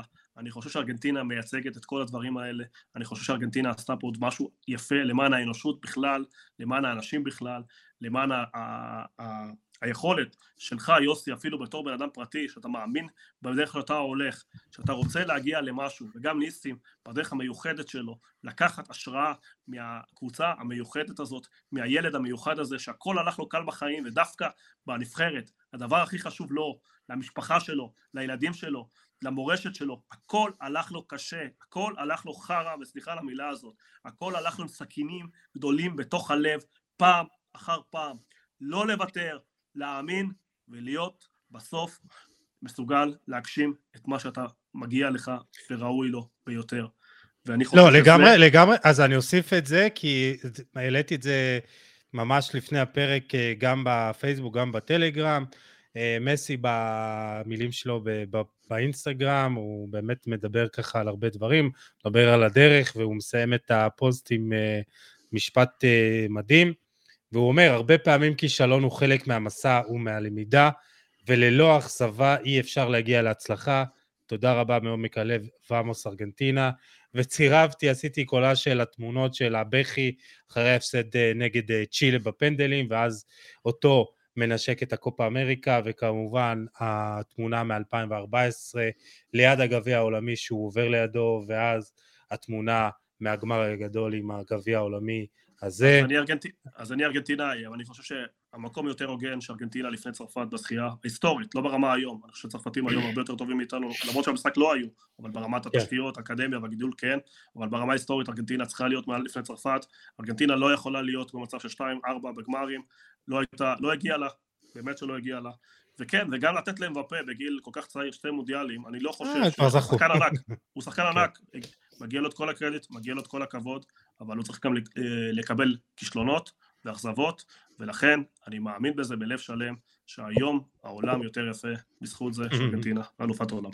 טוב, אה, מסקנות אחרי הגמר, איך אתה רואה את העתיד, אה, ניסים חליבה, גם של מסי, העונה בפריס סן ג'רמן, גם העתיד שלו, איך זה ישפיע על עולם הכדורגל, כי כל הזמן בפרקים לפני הזה, וזה מה שלא הספקתי בפרק האחרון לגעת בו, זה איך המונדיאל הזה ישפיע על uh, המשך העונה, אז בראייה של גם uh, מסי, גם שחקנים, uh, שאר השחקנים הארגנטינאים, איך זה ישפיע עליהם? איך זה ישפיע על המשך העונה באמת שאין לדעת, כי זה תקדים, כאילו אף פעם לא היה טורניר כזה גדול אה, באמצע העונה, אבל אם אני מסתכל בראייה קדימה, אתה יודע, אז אה, אה, מסי נאלץ אה, איכשהו להשיל מעל ארגנטינה את הצל של מרדונה, ומישהו יצטרך בקרוב מאוד, או טיפה יותר רחוק, להשיל את הצל של מסי על ארגנטינה, אז יש פה צל חדש. אמ, למרות ש... אני מתחבט בשאלה הזו כבר כמה שבועות וכמה חודשים, בואו גם, האמת כמה שנים, במי יותר גדול, דייגו או מסי. ואני לא חושב שאני יכול להחליט מי יותר גדול, אני יכול, אני יכול להגיד בוודאות מוחלטת שמסי הוא השחקן הגדול בדורו, חד משמעית, אין אף אחד שמתקרב אליו, הוא יותר טוב מכולם בפער, ויסלחו לי אוהדי קריסטיאנו ונאמר וזלטן למיניהם. אני כן יכול להגיד שמסי אולי יותר גדול, כי א', יש לו מורשת יותר, יותר ארוכה, ובניגוד למרדונה, הוא לא סיים כמו איקרס, אתה יודע, הוא לא עף קרוב לשמש ו...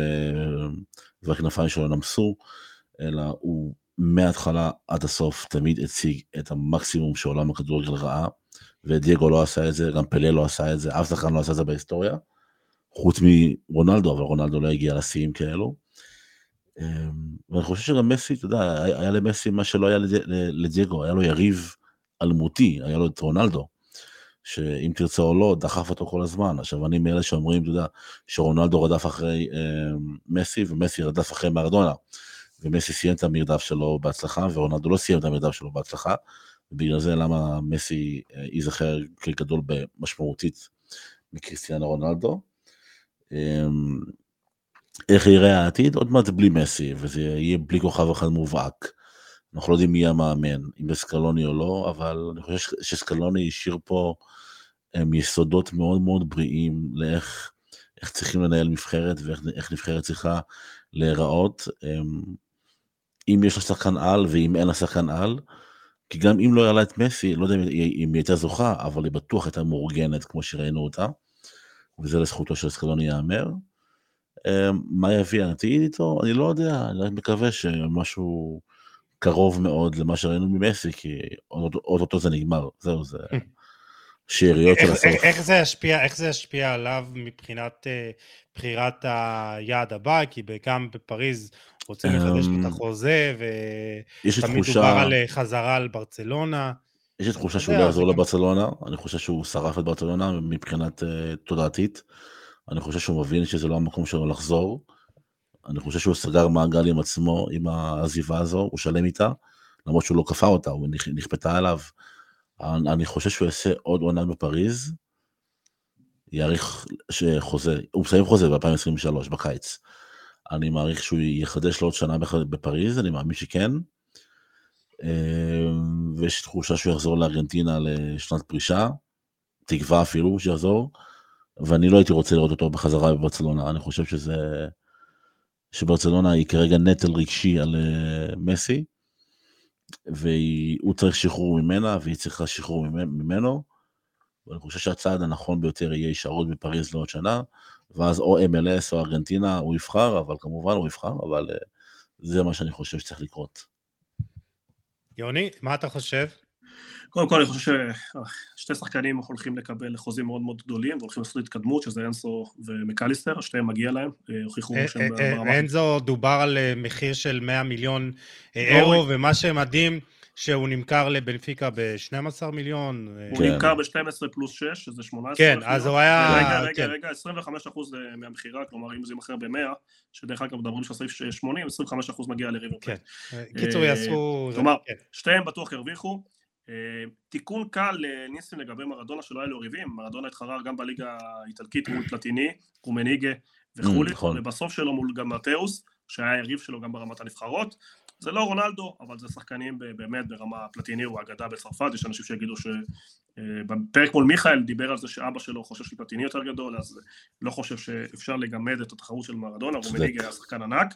אה, לגבי אה, מסי ומה יחליט, נוצר איזושהי שמועה שקון, אני חושב שאחראי עליה, כן. שהוא יכול לחזור לכיוון ניוס לשנה פרישה, אבל אני חושב שגם מה שניסים דיבר היום בחדשות, שארגנטינה לא ערוכה לקבל שחקן כזה, רוסריו שהוא גדל בה, הפכה להיות, אה, וזה סיפור לי ארגנטינאים כי אני לא ידעתי, שרוסריו הפכה להיות אה, מאוד מאוד אלימה, עם, אה, ממש כמעט כמו קולומביה, שוב זה לא משהו שאני יודע, אבל זה משהו ש... שלא משהו שאני ידעתי, אבל אנשים ב... שדיברתי איתם מועדים בארגנטינה, חלק מהחוויה שלי, סיפרו לי שרוסריו במצב מאוד מאוד מאוד מאוד קשה, לכן אני קשה לי לראות את המשפחה של מסי אה, מצליחה לשרוד כאן, אני מניח שמסי כן היה רוצה לעשות חצי שנה, להחזיר, בטח עכשיו אחרי הזכייה במונדיאל, להחזיר חצי שנה שנה לעם הארגנטינאי ולתת לליגה יהיה לי קשה לראות אותו מתאקלם מחדש אחרי כל כך הרבה שנים באירופה, אני גם חושב באמת בשבילו, משפחה נפלאה והמדהימה שיש לו, חושב שזה לא, אם הוא ילך לכסף אז אולי MLS מקום טוב, אני כן מסכים עם ניסים שנראה שפריז מתייחסת אליו כל כך טוב, כל כך יפה אה, וכל כך בכבוד שהוא כן אה, יתחשב בזה וייתן להם אולי עוד שנה, אפילו עוד שנתיים, אה, אם הוא ילך לכסף הוא ירצה ללכת ל... ל, ל ל-MLS, אבל צריך להבין שמסי קיבל עכשיו חוזה מסעודיה להיות שגריר, אה, משהו כמו 50 מיליון יורו לשנה, או לישט אפילו לשמונה שנים כדי להיות השגריר שלהם. כלומר, אה, ואני באמת תמיד אומר שהשחקנים צריכים להרוויח כמה שיותר וזה בסדר, אבל בוא נגיד שאולי הדחף ללכת ל-MLS אה, טיפה ירד. שאלה מאוד מעניינת, מאוד מאוד מעניינת, אם אני צריך להמר, אני חושב שהוא עדיין ברמה מאוד מאוד גבוהה.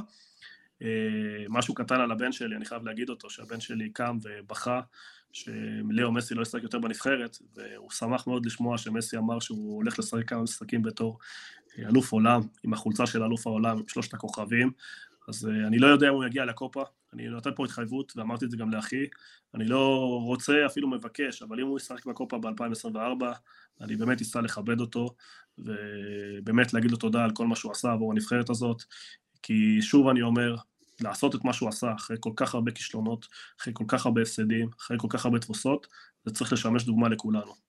אה, ותודה למסי, ותודה לשניכם, שהייתם אה, חלק ממני, מהמסע הזה, באמת מסע מטורף. אמרתי לך את זה, אני לא זוכר אם אמרתי לך את זה בשידור או לפני השידור, באמת אחד האנשים שאני הכי שמחתי שבשחייה אה, הזאת יהיו שמחים, כאילו, שמחתי עבורך, זה אתה, אני יודע כמה שזה היה חשוב לך. אה, גם ברמה האישית, שנה לא פשוטה, וגם סיפרת על זה בפייסבוק, אז אה, אני מרשה לעצמי ככה גם אה, לדבר על זה עכשיו.